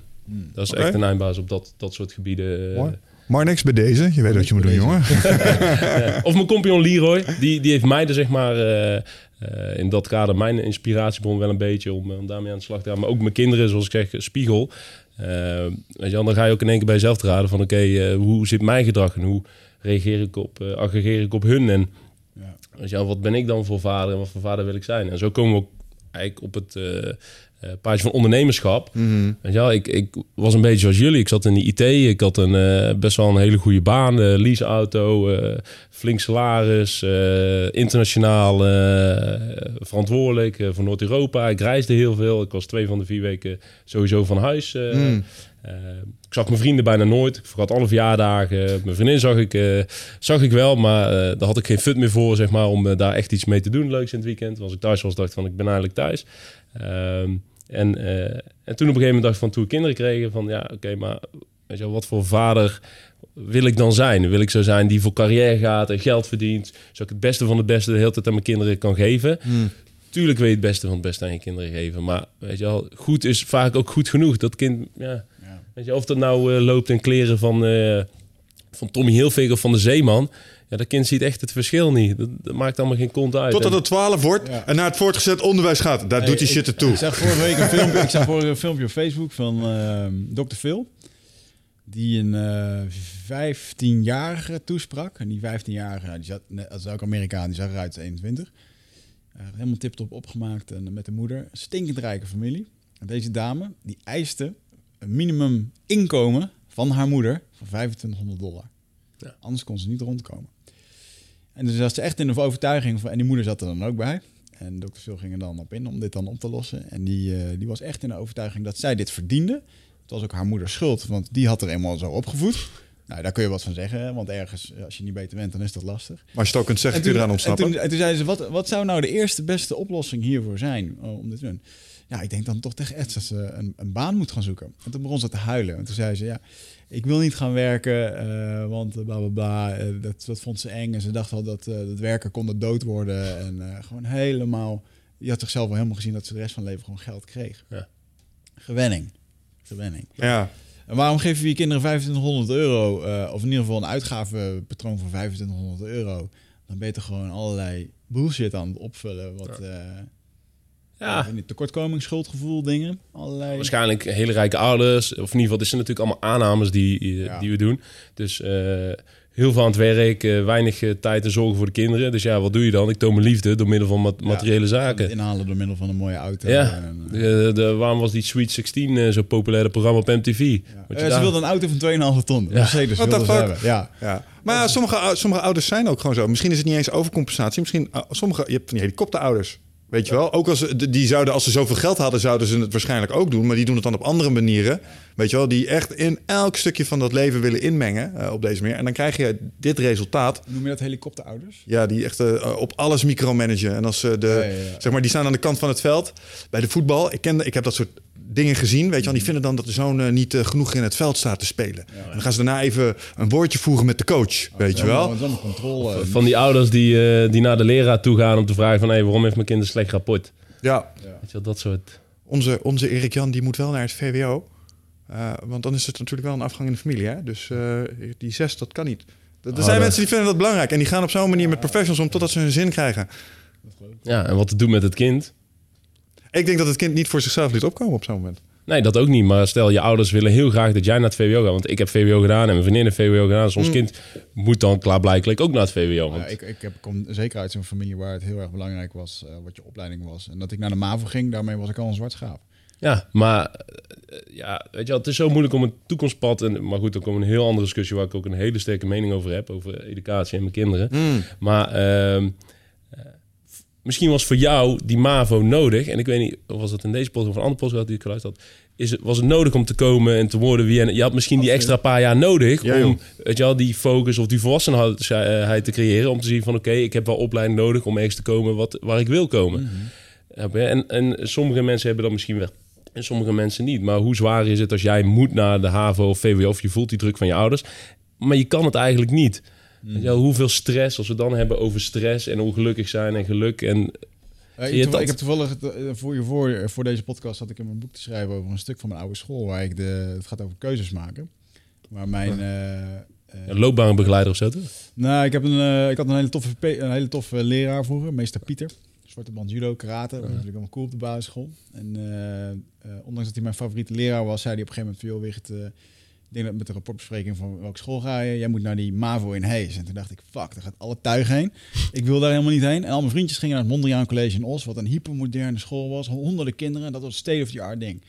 En hij zei gewoon van, je, je, je, je fungeert veel beter op school waar speciale aandacht voor je is. Kleinere eh, aantallen. En eh, uiteindelijk ben ik naar die MAVO gegaan. Daarna naar Siels gegaan, ook relatief klein. Maar vervolgens ben ik naar de MER gegaan. Nou, daar ben ik in vijf dagen werd ik daar knettergek Ja. van de honderden leerlingen. En, en daar heb ik er ook bij gezet, meester Pieter had het goed gezien. maar ja, dat is ook, man. Ja, maar dat soort mensen zijn zo belangrijk. En ik denk dat er voor dat, soort- dat, dat soort mensen te weinig zijn. Ik denk dat er, dat er weinig eh, mensen zijn die, die gewoon eerlijk tegen zeggen van... luister, ik denk dat het voor jouw ontwikkeling beter is om een niveau lager. Want dan Ja. komen die ouders en zeggen... luister, wat zeg jij tegen mijn kind? Dat hij naar de MAVO moet? Ben je helemaal gek geworden? Ja, maar voor mij voelde dat als van, fuck, ik moet naar die MAVO voor speciaal onder... Het was niet echt een speciaal onderwijs, maar zo voelde ik dat wel. Want ja, mijn CITO-toets was ook gewoon niet, niet toereikend. Oh, fucking kut, die CITO-toets. Wat is dat een...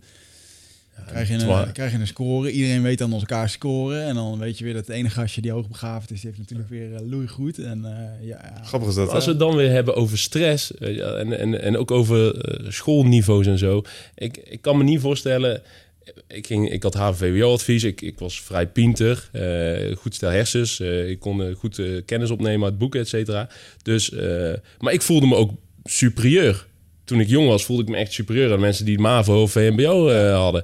Je, en wat dat dan creëert als jij in een klas zit... en weet je, wat jij zegt van al mijn vrienden gingen daar naartoe... en ik moest dan daar naartoe.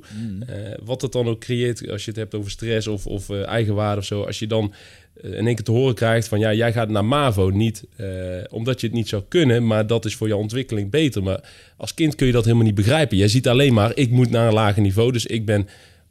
Misschien, ik, ik voel me misschien dommer of minder dan mijn vrienden, want die gaan allemaal wel daar naartoe. Maar wat vind je hiervan? Maar wat vind je hiervan dan? Want ik zit hier naar te luisteren en ik denk, eh, ik herken het. Ik ben op een gegeven moment ingestroopt op uh, MAVO-HAVO. Ik was elf, ik was veel te jong, zeg maar, maar ik was eh, lang. Uh, en toen op een gegeven moment hebben ze mij uh, laten zitten. En dat, ik weet nog dat ik dat heel erg erg vond. Uh, en ook nog eens naar de MAVO. Dus ik ging eerst naar, ma ik ging naar MAVO ineens. Oh Jij? jee, ja, ik ben het MAVO, MAVO, Ah. HAVO, toen HBO gedaan. Jazeker. En ik had slechte cijfers, omdat ik veel te jong in een veel te moeilijke context kwam. Maar hier zit het. Ik durf te beweren dat op die MAVO worden teruggezegd, tussen dat tuig waar jij het over had, een van de beste dingen is die mij gebeurd is. Want ik werd als het ware een beetje voor de leeuwen gegooid als jong naïef jochie uit een boerendorp. Maar ik heb het eerste jaar wel te verduren gehad met pestkop en dat soort. Maar ik ben er bijzonder weerbaar van geworden. En ik heb een stukje street smarts voor teruggekregen van, oh wacht even, dit is hoe het werkt. Had ik niet gehad, als ik meteen naar HAVO-VWO was gegaan. En ik durf te beweren dat tot heden ten dagen in alle dynamieken die ik onderga, dat ik daar nog steeds voordelen van Ja, heb. dat, dat ben ik helemaal met je Dat eens. zei Joe, er is ook zo'n podcast met Joe Rogan van. Ja, en, eh, en ook dat boek ook nu alleen bij Obstacles the Way. Je moet zeg maar we- weerstand en tegenslag ervaren. En dat is zeg maar twee kanten van dezelfde munt op heel veel dingen. Weet je, als er geen dieptepunt is, zijn er ook eigenlijk geen hoogtepunten. Dus weet je wel, dat, Ja. dat soort dingen. Maar je kunt aan de andere kant in jouw verhaal ook niet 100% met zekerheid zeggen van dat was het pad dat ik had moeten volgen, anders was ik niet dit. Want je weet het andere pad niet dat je anders had Nee, maar wat jij zegt met betrekking tot... eh, als eh, VWO'er voel je superieur, zeg Ja. maar. De, de MAVO'ers, die gaan daar op een andere manier mee om. Nee, hij doet het nog. Gaan we in de gaten. Eh, die, die, die kijken daarna en die denken... Oh, die studiebolletjes. Ja. Weet je wel, dat zijn die jongens die zoeken het iets meer in het fysieke. Ja. Ehm, En ik durf te beweren dat dat echt wel even een soort eh, vuurdoop was... die ik op dat moment nodig had. Want ik kende die hele contexten niet. En dan kom je ineens met van die street smart dudes in aanraking. En die zijn mondig en die zijn ook niet bang voor fysieke escalaties. Ja, als je dat niet kent. Eh, en nu ken ik het wel...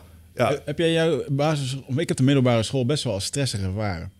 Omdat je iedere dag was ik bezig met plekje veroveren, erbij horen, Ja. grote bek. Dat was eigenlijk helemaal niet. En thuis had ik gewoon, was ik eigenlijk best wel een braaf man dat je dat gewoon computerspelletjes speelde. ja. Op de school was ik echt wel bezig met eh, mezelf manifesteren daar. En, eh, Ik, als ik er nu op terugkijk, was het echt was het precies dat plekje veroveren. Klimmen in een hiërarchie. Ja, wie- Binnenkomen daar als brugpieper onderaan de hiërarchie bungelen, zeg maar, nog niks weten. En op een gegeven moment kom je in klasse, kom je hoger. En dan krijg je al snel de shifting tussen de alto's, de cool kids, de grabbetjes, weet je wel. Eh, degene die als laatst gekozen wordt bij de, eh, bij de sportles. Ik heb er daar gestaan, zeg maar. En naarmate je ouder werd, merk je gewoon... oh, ik kom beter in mijn lijf te zitten. Ik word wat zelfverzekerder. Ik kom nu in andere groepjes. Ik hoef niet meer bij de nosebleed. Het was echt klimmen in een hiërarchie. En ook kijken naar hoe de boys die boven je stonden op school het deden. De stoertjes, de gasten die bij de tafeltafel stonden... dat waren de coole dudes. Die kregen ook de meisjes. En die manifesteerden zich op een bepaalde manier. Ik heb er altijd naar gekeken, hoe doen ze dat? Weet je wel, als ze profileren zich op een bepaalde manier. Er komt veel lichaamstaal bij kijken ook. Hé, hey, daar kun je van leren. Tafelballen is blijkbaar ook een ding. Ik kan fucking goed tafelballen. Maar dat is omdat ik dacht, hé, hey, dat doen die coole gasten ook. Ik ga dat ook leren. En dan kom je in aanraking met die lui. Dan kun je nog meer hun gewoontes en manieren overnemen, zeg maar. Maar het was echt dat. maar als ik er nu op terugkijk en ik kijk naar die gasten waar ik toen tegen opkeek, dan denk ik, wat een fucking dumbass heb je tegen opgekeken. Ja. Zeker. Maar op dat- moment weet je niet beter. Nee, het is- ja. inzicht. Ja. En dat, en dat is ook zo. Net zoals eh, middelbare school is denk ik voor iedereen gewoon... oké, wat is mijn plekje? Waar ben ik in de pikorde? En hoe kom ik hoger in de pikorde dan Ja. eerder lager? Maar aan de andere kant is het vaak ook... hoe hoger ik kom, hoe meer mensen ik naar beneden kan trappen... of mensen die onder mij staan, die ik kan trappen. Weet je, en in dat soort wisselen... En, eh, eh, dan, en dan krijg je, of in ieder geval, dat, dat weet ik natuurlijk niet zeker... maar mijn opinie daarin is dat weet je, dat ook heel erg in stand wordt gehouden... door het soort klassysteem van VMBO, MAVO, HAVO, VWO. Want wat jij zegt, wat jij hebt geleerd van die, van die jongens, zeg maar, eh, eh, op de MAVO...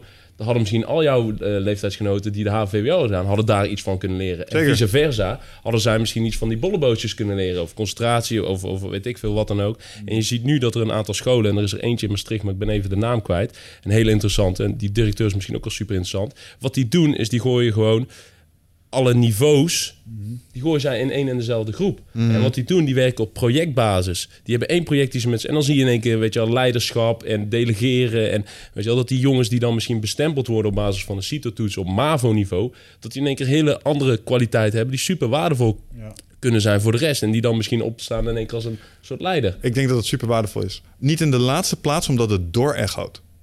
Dat wat je hebt geleerd op de basisschool en op het, eh, het eerste voortgezet onderwijs, zeg maar, dat wat je daar leert, echo door. Ik zeg wel eens voor de grap, maakt niet uit waar je komt, welk bedrijf, blijft altijd een beetje schoolplein. Ja. Dat zie je bij de bedrijfsuitjes.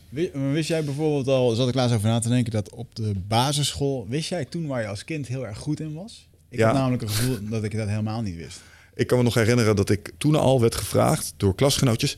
ga jij maar even aan de meeste vragen of we op dat andere voetbalveldje mogen spelen. Want jij kan dat goed. Ik was altijd wel Ja, wel ja. van het kletsen met volwassenen. Ik ook altijd de onderhandeling altijd wel aan. Ja, ik was wel de leider van groepjes en zo. Zit jij eh, vaak in je hoofd? Eh, neem je heel veel informatie tot je video's, podcast, boeken? Eh, nou, voel je niet schuldig, dat doen heel veel mensen natuurlijk. Hè, maar vaak zijn we op zoek naar antwoorden. Ehm, gaan we nog meer informatie tot ons nemen, terwijl ja, de antwoorden liggen toch echt in onszelf. En dat is iets wat we voelen met ons lichaam. Maar vaak zijn we zo erg in ons hoofd bezig ja, dat we dat ook niet meer, dat we daar niet meer echt goed bij kunnen. En dat is graag waar ik je voor uit wil nodigen. Voor Rite of Passage. 24, 25 en 26 mei is er weer een nieuwe editie. Voor mijn retreat voor persoonlijke ontwikkeling. Waarbij het thema echt is om uit het hoofd te komen in dat lichaam. Want dat is waar je alles ervaart. En ik wil dat je gewoon weer in contact komt met, met die, die intuïtie. Ehm, en dan gewoon een heel sterk uh, innerlijk kompas. Dat je gewoon weer weet waar je naartoe moet, wat je te doen staat. En dat je gewoon weer helderheid hebt over wat je wilt en hoe dat je dat gaat doen.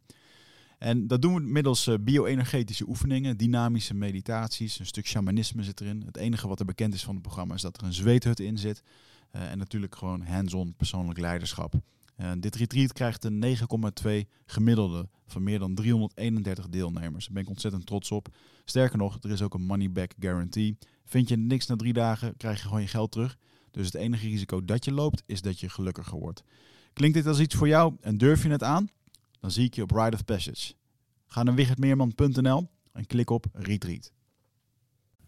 Maar een fysiek de sterkste, dat weet ik ook nog wel. Op een gegeven moment mocht ik geen actiefilms meer kijken. Ook van diezelfde Pieter, leraar, leraar Pieter, die dat had geadviseerd aan mijn moeder. Want ik was een actiefilm op het schoolplein. Nou ja, je wordt alles in de praktijk. Te veel predator, ja. ja. Als, men- als mensen niet in mijn Last Action Hero film mee wilden doen, dan trok ik ze erin. Ik helemaal niet. Ik was echt, eh, echt een eh, sukkel eh onderste rang eh, op middelbare school. Ik was niet de sterkste, ik was niet de snelste, ik was niet de grootste. Ik was een beetje mollig, ik was een allochtoon. Ik woon in een klein dorp. Toen wij in eh, dat dorp kwamen wonen, was dat best wel een ding. Ja, Dus wij waren Ja, ja. de eerste die daar kwamen. En dat hoorden we natuurlijk jaren later. Maar dat was best wel onder de buurt. Was dat van, oh, alle... daar gaat de buurt. Ja, ja, ja. Iedereen zijn huis te koop. Oh nee, dat was al huur. Maar, niet dat je bij gaat spelen hoor. dus, eh, en dat, dat, dat liep allemaal los. Maar ik was op de middelbare school. en Een groot deel van de middelbare, of de basisschool en de middelbare school was ik echt eh, niks. Opeens toen kreeg ik een groeispurt. Dus toen begon mijn lichaamsvet zich een iets beter te verdelen over mijn lichaam. En toen, kreeg ik, en toen ben ik gaan kickboksen. En dat heeft mij echt wel een hele, hele grote, eh, grote boost gegeven. Want eh, ik weet nog, een maatje van mij die ging kickboksen. En die zei, ga maar een keer mee. En ik wilde altijd... Mijn vader is een karate, die best wel hoog niveau heeft. Die had karate gedaan. Ehm, en ik heb toen gejudo'd. Bakte ik geen kont van. Ik was Ja. veel te zwaar. Dus ik moest echt tegen jongens die allemaal blauwe band hadden... terwijl ik witte en een gele slip had, zeg maar. Dan is het echt geen leuk Dan sport. is het geen dan de hele tijd gewoon op de grond liggen en eh, in de klemmen liggen en zo. Maar goed. Ehm, en die had altijd wel een beetje daarvan, je moet ve- vechtsporten, dat is goed voor je weerbaarheid. En een vriend van mij die nam me mee naar kickboksen. Nou jongen, er stonden gasten, dat weet je niet weet. Echt tongpo. eh, ja, echt. Er was één kerel, die had zo'n paardenstaart. Dat was echt dit en, en, en nog een ander. En eh, tatoeages, eentje, eentje met een tattoo hier en zo. Eentje met een grote Feyenoord tatoeage op zijn dingen en Ik- dat, dat soort dingen. Ik realiseer me ineens dat er mensen zijn die naar luisteren die niet weten wie Tong Po is. Ah ja. Tongpo. Dat is, eh, van de film Kickboxer van Jean-Claude Van Damme. Google is your friend. Dat is, eh, Nocto Sao. nostalgie hoor. Ja, Ja. de witte krijger. Heet je dat? Nee, Nocto Sao, dat zeiden ze dan over Jean-Claude Van Damme. en, en die ja. Po stond met bekend, en dat deden wij dan op schoolplein na, het schoppen tegen de Ja, betonpaal. tegen de to- ja, ja. Ja. wat? Ja, ja, ja, dat is een hele bekende. En Inderdaad. het maar, glas in de zwachtels. ja. Maar, je ging kickboksen tegen Maar goed, ik ging kickboksen. En, Dat deed hij ook op het schoolplein. en, en, en eh, die vriend van mij zei, je moet niet mee gaan kijken, je moet gewoon gelijk meedoen. En je sportkleren mee. En ik ging dat doen. En mijn trainer toen was eh Emmen van Beek. En dat is nu eh, sportschool CrossFit, eh Rebel CrossFit 020 in Amsterdam. Dus dat is ook weer grappig, die connectie. Eh, maar dat was de trainer in een kleine sportschooltje van een basisschool. En ik ging meteen meedoen. En ik zag die, die kerels en ik denk, fuck, waar ben ik in beland? Ik ga naar huis, ik krijg klappen, dat wil je niet weten. Maar die waren fucking relaxed. Die echt, die waren zo zeg maar begaan met, oké, jij komt hier voor de eerste keer. We doen, de meeste dan, hè, er waren ook van die eikels bij die gewoon meteen begonnen te rammen. Maar dan had ik het geluk dat ik daar niet, eh, in ieder geval eh, de eerste tijd mee in aanraking kwam. Die nam je echt aan de hand mee, die liet je slaan, die leerde je techniek. En nog steeds ben ik eh, van, weet je al, leer van de beste. Probeer gewoon de mensen te omringen die beter zijn dan jij. En probeer dat wat van mee te nemen. Ja. En ga zo verder. En dat is volgens mij ook iets wat vaak terugkomt in jullie podcast. Dus kijk gewoon naar wie een stap verder is dan jij. En ga daarmee in gesprek. Ik ga nog een stap verder. Ik, ik spar gewoon niet meer met beginners. Nee, ja. Nee, het- ik doe het niet meer. De laatste ook weer zo'n... eh, ja, toch even met hem doordraaien, weet je wel. Van net iemand die naar zijn eerste wedstrijd toe, onder de adrenaline, weet je wel. Wil alles goed doen, alles is hard. Ik denk, nee, nope, not gonna do this anymore. Die gast die heeft geen controle. En dan, en dan, Ja. dan ga je weer zo'n stukje onder een spinning backfist door, weet je. Dan denk je, nee, nope, als dit had gezeten, dan... eh, Ja, als je, als, je, als je nog zeg maar, voor de camera of zoiets moet... eh, dat was bij mij toen ook moeilijk, want ik had dan fulltime eh, banen in de sales. En dan ja, kon je niet met zeg maar, een dikke KK Ja, of blauwe ogen of zo aankomen. Maar goed, ehm, eh, eh, dus en... Kickbox heeft voor mij toen echt, echt een zelftaal. Want er zaten ook jongens op die, waar ik vroeger tegenop kijk... dat zeg maar een beetje de bad boys waren, op schoolpleintjes hingen... scooters hadden, weet je, Mm. Ja, ja, ja, ja. en die trainen daar dus ook. En daar kwam ik dan in aanraking mee. En dan, dan als we gingen stappen bijvoorbeeld, dan waren die ook daar. En dan was het, hey, alleen als je, weet je. En dan keken mensen naar mij en denken, hoe de, wat, hè? Hoe? Ja. Ja. ik train met hun. Oh, fuck, weet je. En dat heeft mij echt een enorme zelfvertrouwen boost gegeven in de tijd dat ik toen eh kickboxde heb. Grappig, hè? En je klimt er eigenlijk stiekem ook wel weer een beetje door in de hiërarchie, zeg maar. In het uitgangsleven weet iedereen ook precies eh, wat de coole, eh, gevaarlijke stoertjes zijn en dat soort dingen. En als je daar dan mee geassocieerd wordt, dan levert je dan- pluspunten ja. op. Je gaat van de, tafelvoet, van de voetbal, eh, van de tafelvoetbal eh, ding in de aula, ga je naar de bar in de discotheek, toch? Ja. Maar echt, ik weet nog dat er jongens naar me toe kwamen die ik gewoon totaal niet kende. En zeiden, hey, jij traint echt daar en daar met die en die. Ik zei, ja, ja, klopt. Ja, vet man, relaxed. En dan gaven ze je een hand, weet je wel. En Ja. dan, wil je een biertje of wat dan ook. En dan denk ik van, what the fuck? Als maar als je daar niet trainen, dan zat je vuil aan te kijken. En dan, Nou ja, je kijken dan, eh, dat dan was het ruzie. zo- Nou, dat was niet normaal. De, ik ging, wij gingen dan naar de kelder in Hank. Ja. Ja, echt. eh, nou, het, is- het heet dus de kelder, dus je kan wel nagaan. En eh, nou, dat was elk weekend was het gewoon knokken. Je had, eh, Bizar, je had verschillende, weet je, je wist dat dorp was die hoek, dat dorp was die hoek, dat dorp stond in die hoek. Dat en als, die, ook. Ja, en als die twee dorpen iets te dicht bij elkaar kwamen, was het knokken. En dan deden ze die bij, de, bij elkaar in de bus terug naar huis. Want de, de dorpen lagen vaak Maar naast bij ons was elkaar. het allemaal fiets of scooterwerk. Ja. Ja, maar dat gaat er helemaal nergens over. Dat van die 16-jarigen dan, hè, maar ik weet nog, joh, dat was dan het drama van de week. Was iedereen mee bezig, weet je wel? Nou, Die had die gepakt en dan gaan we naar zijn school. En dan het zus en zo, van ja. die, en die komen vanmiddag naar het schoolplein met zijn maten. Ik heb dat een keer joh. bijna gruwelijk zien misgaan in Deventer. Eh waren we stappen daar met Tatsugen. Tatsugen en Gym. En dat trainen toen de tijd echt gasten die nu allemaal in de UFC draaien. Siar, Martijn, Marloes, weet je wel. Alistair, waren we daar uit. En toen waren een paar mensen uit Amsterdam of zo over de vloer. En nou, nou, die gasten die dan bij ons in de buurt kwamen, die hadden sowieso een beetje iets meer erg. Want ze waren in de provincie. En toen begon er één ruzie te zoeken met Siar. Maar die had geen idee wie dat was. En de hele gym stond eromheen, weet je wel. Dat wij echt zo stonden te kijken, zo van... Doe het nou niet, weet je wel. Zou het niet doen als ik jou was. Echt zo, pijn oh. Ja, het liep gelukkig met de sisser af. Maar desondanks, dat, dat, weet je, als je dan met je vri- eh, vriendje van de sportschool bent stappen... En, en er zou iets gebeuren, maar niemand weet eigenlijk zo goed wat je doet... dan is het leuk als er niets gebeurt. Omdat ze ergens van, oh, dit had echt heel verkeerd kunnen aflopen voor je. Ja, ja, inderdaad. Ja, mooi, grappig. Dus, eh, hoe Toch een beetje een boerending, eh, merk ik, denk ik. Wat? Na dat knokken in het weekend met dorpjes die naast elkaar liggen. Ja, nee. Ja, volgens mij. Denk je? Ik weet nog wel dat Melvin, Man, Melvin Manhoef een keer bij ons aan het trainen was. En eh, die zat toen te vertellen dat eh, Danny van Bergen... Danny, als je dit luistert, ooit hoort. Danny van de Massa? Ja, ja, ja, ja, ja, Danny. Bergen, eh, een van de actiefste free fighters in Nederland. En, eh, of tenminste een voormalig jonge gast. Sterke Danny noemen ze ook. Klein Ja, mannetje. zo ziet hij er ook 65 uit. Tanden op elkaar en gewoon alleen maar naar voren. En eh, dat hij dat die echt een beetje zo'n periode had dat ze met z'n allen uitging naar het Rembrandtsplein en Leidseplein. En dan eh komen van die groepjes en dan... eh hey, eh, maar hij lag net ruzie met ons te zoeken. En eh, ja, nee man, dat kunnen we niet doen. Wij zijn van Mike's Gym. Wij, eh, laten we niet ons overheen gaan, weet je wel. En dan...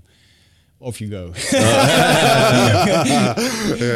En als zelfs Melvin Manhoef met zijn achtergrond daar iets van zegt, Ja. ja, dan, eh, dan ben je goed bezig. Mooi.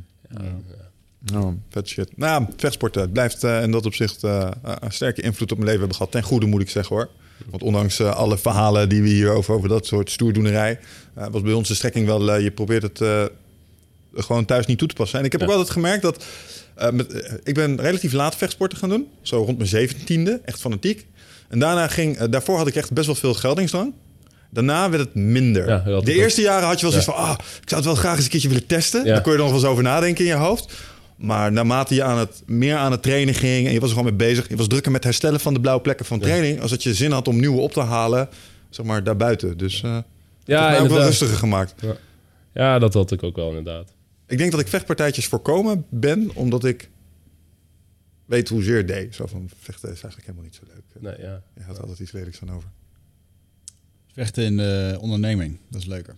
Ik ook, dat is ook knokken geblazen. Knoppen voor je onderneming. Ja, want in dat opzicht, eh, we hadden eh Halim hier in de studio uitgenodigd eh, om eens te kletsen over een stukje business coaching, op het gebied van crossfit en Ja. personal trainers en dat soort dingen. Nee, maar dat is juist het leuke aan dit format. Ja. Eh, het kan overgaan waar we zin in hebben en eh, dat vind ik ook gewoon leuk. Ehm, de conclusie die we net dus eh, eh, wel konden trekken is dat eh vechtsport, eh, crossfit, eh, ehm, sport heeft altijd een belangrijke plek in je leven gehad. Nou, je kwam uit de IT. Ik ben altijd eh, heel dol op mensen die eh, het ene doen tot de conclusie komen, hier ben ik uitgeleerd. En ze zijn dan dapper genoeg om dat te constateren en ze gaan iets anders doen. Nou, daar heb jij ook een hele mooie reis eh, in, eh, in gehad. Ehm, onder andere eh, kunnen zien in de mastermind groepen waar je in zit. Ehm, en de CrossFit-box die je hebt nu, want jij, je kan gewoon leuk leven van, van je passie eigenlijk nu. Nou, gefeliciteerd, dat heb je goed gedaan. Ehm, maar jullie hebben echt een hele goed lopende box momenteel. Ja, eh, onze box loopt goed genoeg. Eh, en dat is met elk ondernemer kan altijd beter, maar loopt goed genoeg om in ieder geval drie eigenaren daarvan in levensonderhoud te voorzien. Eh, hypotheek, twee van ons hebben gezin met twee kinderen. Ja, Dus dan moet je box aardig draaien, zeg maar boven en onderaan de streep. ja. Dus dat is niet overnight geweest. Wij hebben ook, nou, ik denk al drie, vier jaar gestruggeld. Zeg maar, we hadden allemaal nog een fulltime baan. Of in ieder geval, ik had sowieso nog een fulltime baan. De andere twee ook quasi fulltime baan. Ook eh, eentje in de sales, eentje docent. En eh wij zijn zeg maar... ehm, in gradaties fulltime ingestapt. Dus niet van een op andere dag drie zei van... oké, fuck it, we gaan gewoon fulltime instappen. We, we hadden wel zeg maar een beetje dat zekerheidsvangnet... dat we ervoor wilden zorgen van... oké, we willen wel dat er genoeg draagkracht is voor ons alle drie... om zeg maar alle drie ervan te leven. Ehm, en, ehm, en in de beginjaren was het gewoon, weet je wel... het eerste jaar was het alleen maar investeren. Alles ging terug naar de onderneming investeren. Maar vanaf het tweede jaar begonnen we onszelf zeg maar, een beetje uit te betalen. En dat was gewoon een paar honderd euro per maand... En dat was gewoon relaxed. Ik kreeg gewoon een paar honderd euro per maand... en dan kon ik mijn vakanties voor heel het jaar van betalen. Een leuke extra. Ja, dat was gewoon een leuk extra. En zo zag ik het ook. Tot het moment dat zeg maar, de kinderen eraan kwamen. En ik, weet je wel, meer met coaching in aanraking. Meer met levensvragen. Meer met persoonlijke ontwikkeling in aankwam. En dacht van, ja, maar oké, wat wil ik nou in leven? Wil ik 40, 50 uur per week in de IT blijven werken... en daarna nog 20, 25 uur per week voor, de, voor, de, voor mijn eigen zaak?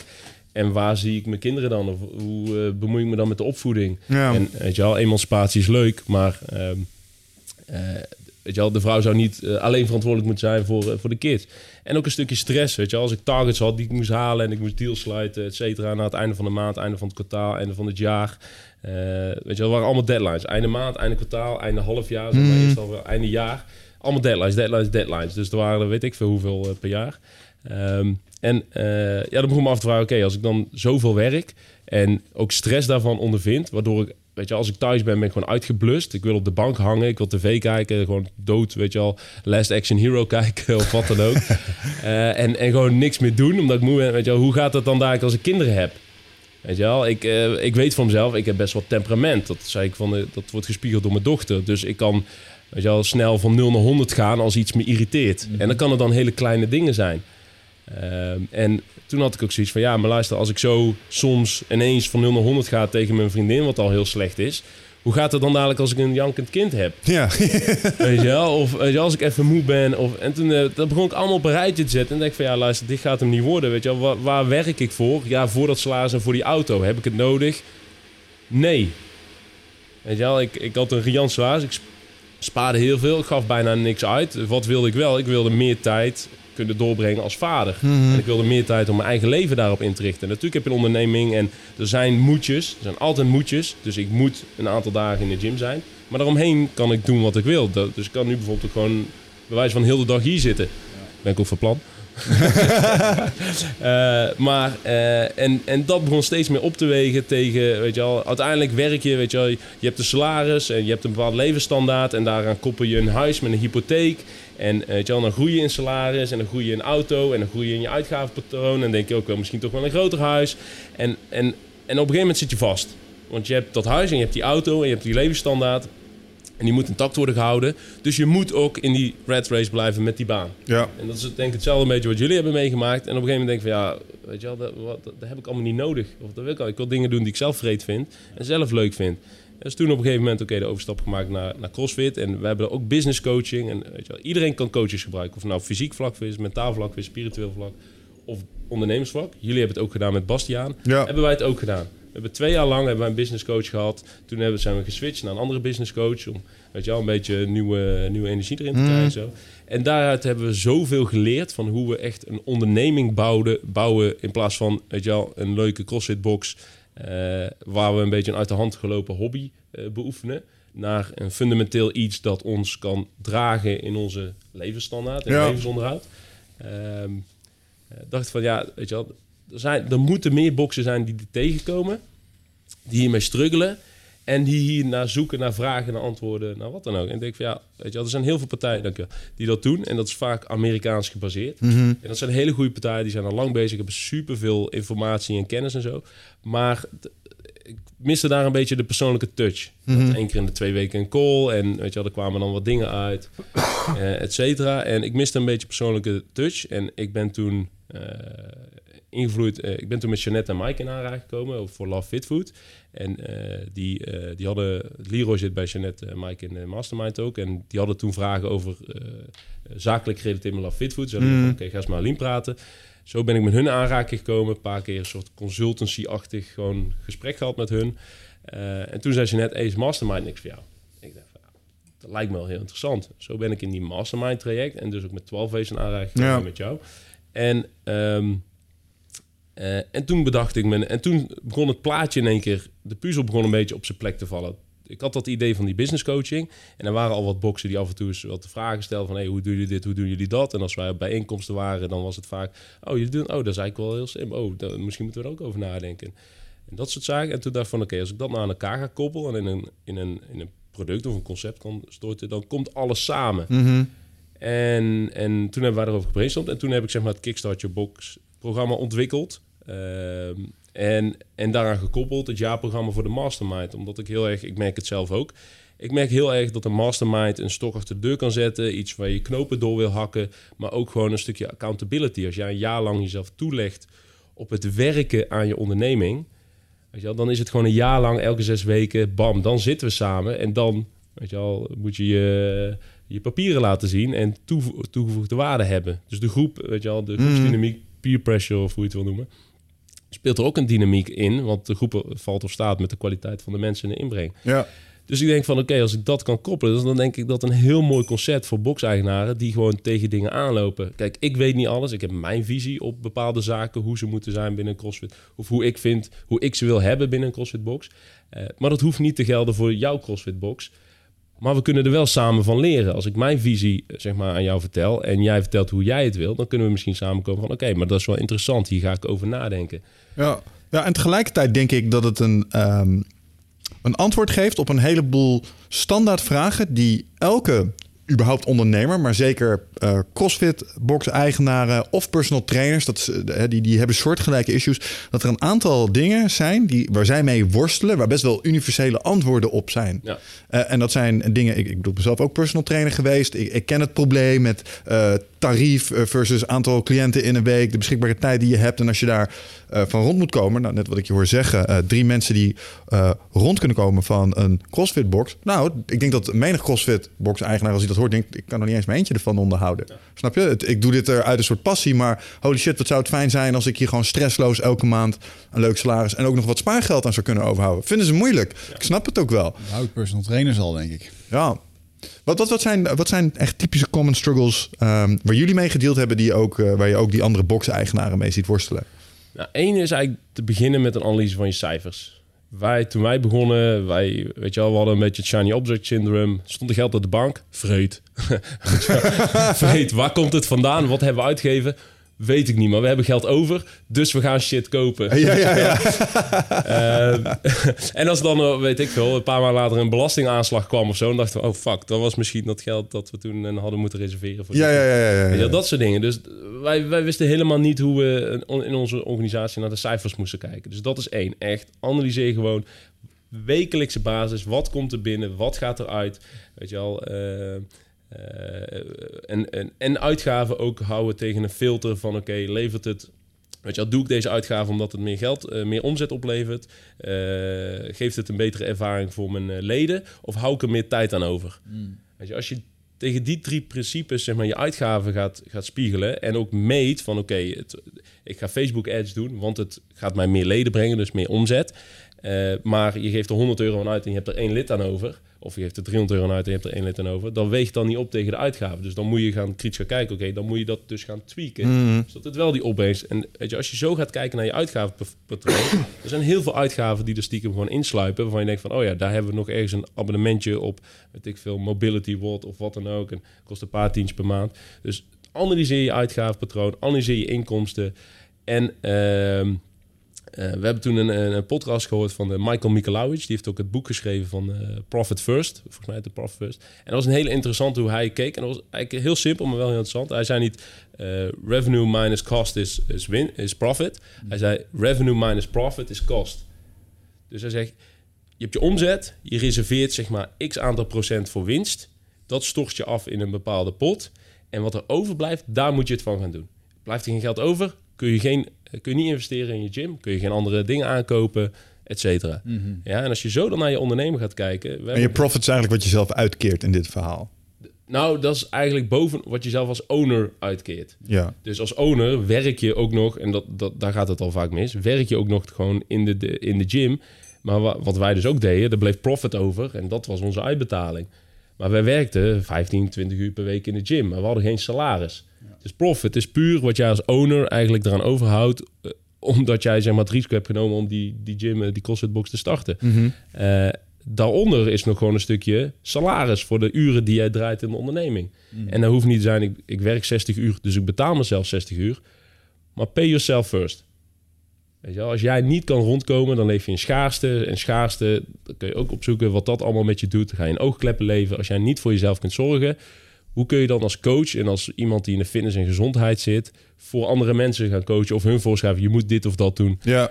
Want dan word je fitter en vitaler van. Als jij alleen maar zo kan leven van, eh hou ik aan het einde van de maand wel genoeg geld over. Ja.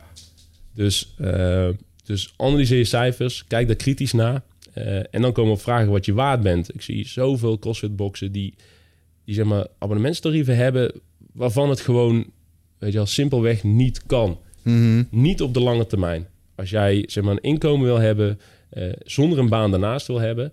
eh, dan kun je niet zeg maar, mensen eh, weet je wel, eh, small group training geven. Want in feite is CrossFit, ook al zijn er 10 of 12 mensen in de groep, is het nog steeds small group training. Als ik het echt heb over group training, dan kijk ik naar Zumba en eh, weet ik veel, de body combat shit, waar 20, 25, 30 mensen op een rijtje eh, staan eh, te rammen.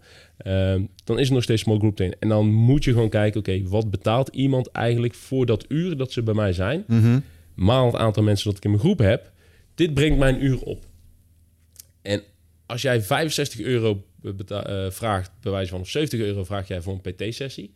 En jouw groepstraining levert 60 euro op. Dan gaat er iets niet goed. Want waarom levert jouw uur, is jouw uur voor één op één is waardevoller eh, dan het uur groepstraining? Dat zou minimaal hetzelfde moeten opleveren. En eigenlijk jouw groepstraining zou meer moeten opleveren, omdat het schaalvergroting heeft.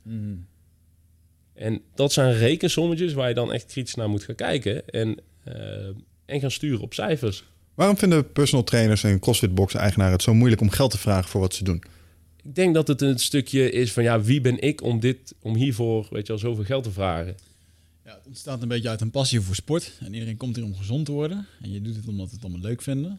Maar om er dan echt een bedrijf van te maken, dat vinden we eng. Ja, Wat kunnen we leren over de relatie? Want ik, ik denk dat hier misschien lijken vitaliteit en spiritualiteit wel een beetje op elkaar. En Sommige dingen geld voor vragen, dat, dat vinden mensen moeilijk of zo. Hè? Dat, daar, daar loop jij ook tegenaan in wat jij doet. Ehm, en, en daar kleeft dan een bepaald stigma aan of zo. En ik vind dat niet terecht. wat is uiteindelijk in de basis het belangrijkste wat je hebt? Wat is je huis eigenlijk? Je, je lichaam is niet je tempel, je lichaam is je huis. Daar moet je het mee doen in deze aardkloot. Dus daar moet je voor zorgen. Spiritueel, mentaal, fysiek, wat dan ook. Overal, eh, nu was weer een artikel dat de, de, de percentage van obesitas groeit weer enorm in Nederland. Ehm, je, je lijf, daar moet je gewoon voor zorgen, mentaal en fysiek gezien. En als jij hulp inroept van iemand en ik bied jou de hulp die jij nodig hebt, ik vervul voor jou een, een, een problematiek of een vraagstuk of een wens, waarom mag ik daar geen geld voor vragen? Ja, het, het komt neer op een stukje ook sales, sales perceptie, sales mindset. We denken als ik zodra ik iets moet gaan verkopen, dan ben ik, weet je, dan probeer ik mensen iets.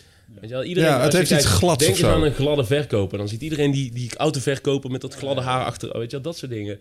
Nee, je moet het gaan zien als jij levert iemand een, want we zitten in een dienstindustrie, serviceindustrie. Je levert iemand een dienst om de kwaliteit van zijn leven te verbeteren op lange termijn. En eigenlijk is dat, weet je wel, die waarde kun je eigenlijk niet, zeg maar, als je echt een verschil kan maken en je, bent, en je weet van jou, je bent echt een goede trainer. Je bent niet iemand die ernaast staat en zegt één herhaling, twee herhaling, drie herhaling. Weet je wel, je bent niet een entertainer, maar je bent echt een, echt een coach voor iemand en je helpt iemand om de kwaliteit van zijn leven te verbeteren. Dan mag en moet je zelfs daar gewoon geld voor vragen. En dan neem je niemand niks af. Nee, je geeft iemand er heel veel voor terug. En dan komen we terug op het stukje, eigenlijk stukje sales, is oké, als je iemand binnenkrijgt, waar komt die persoon voor? Weet je wel, want we hebben allemaal de beschikbaarheidsheuristiek, weet je wel, je, je vertelt niet wat je, je vertelt alleen wat je kent. Je weet alleen wat je kent.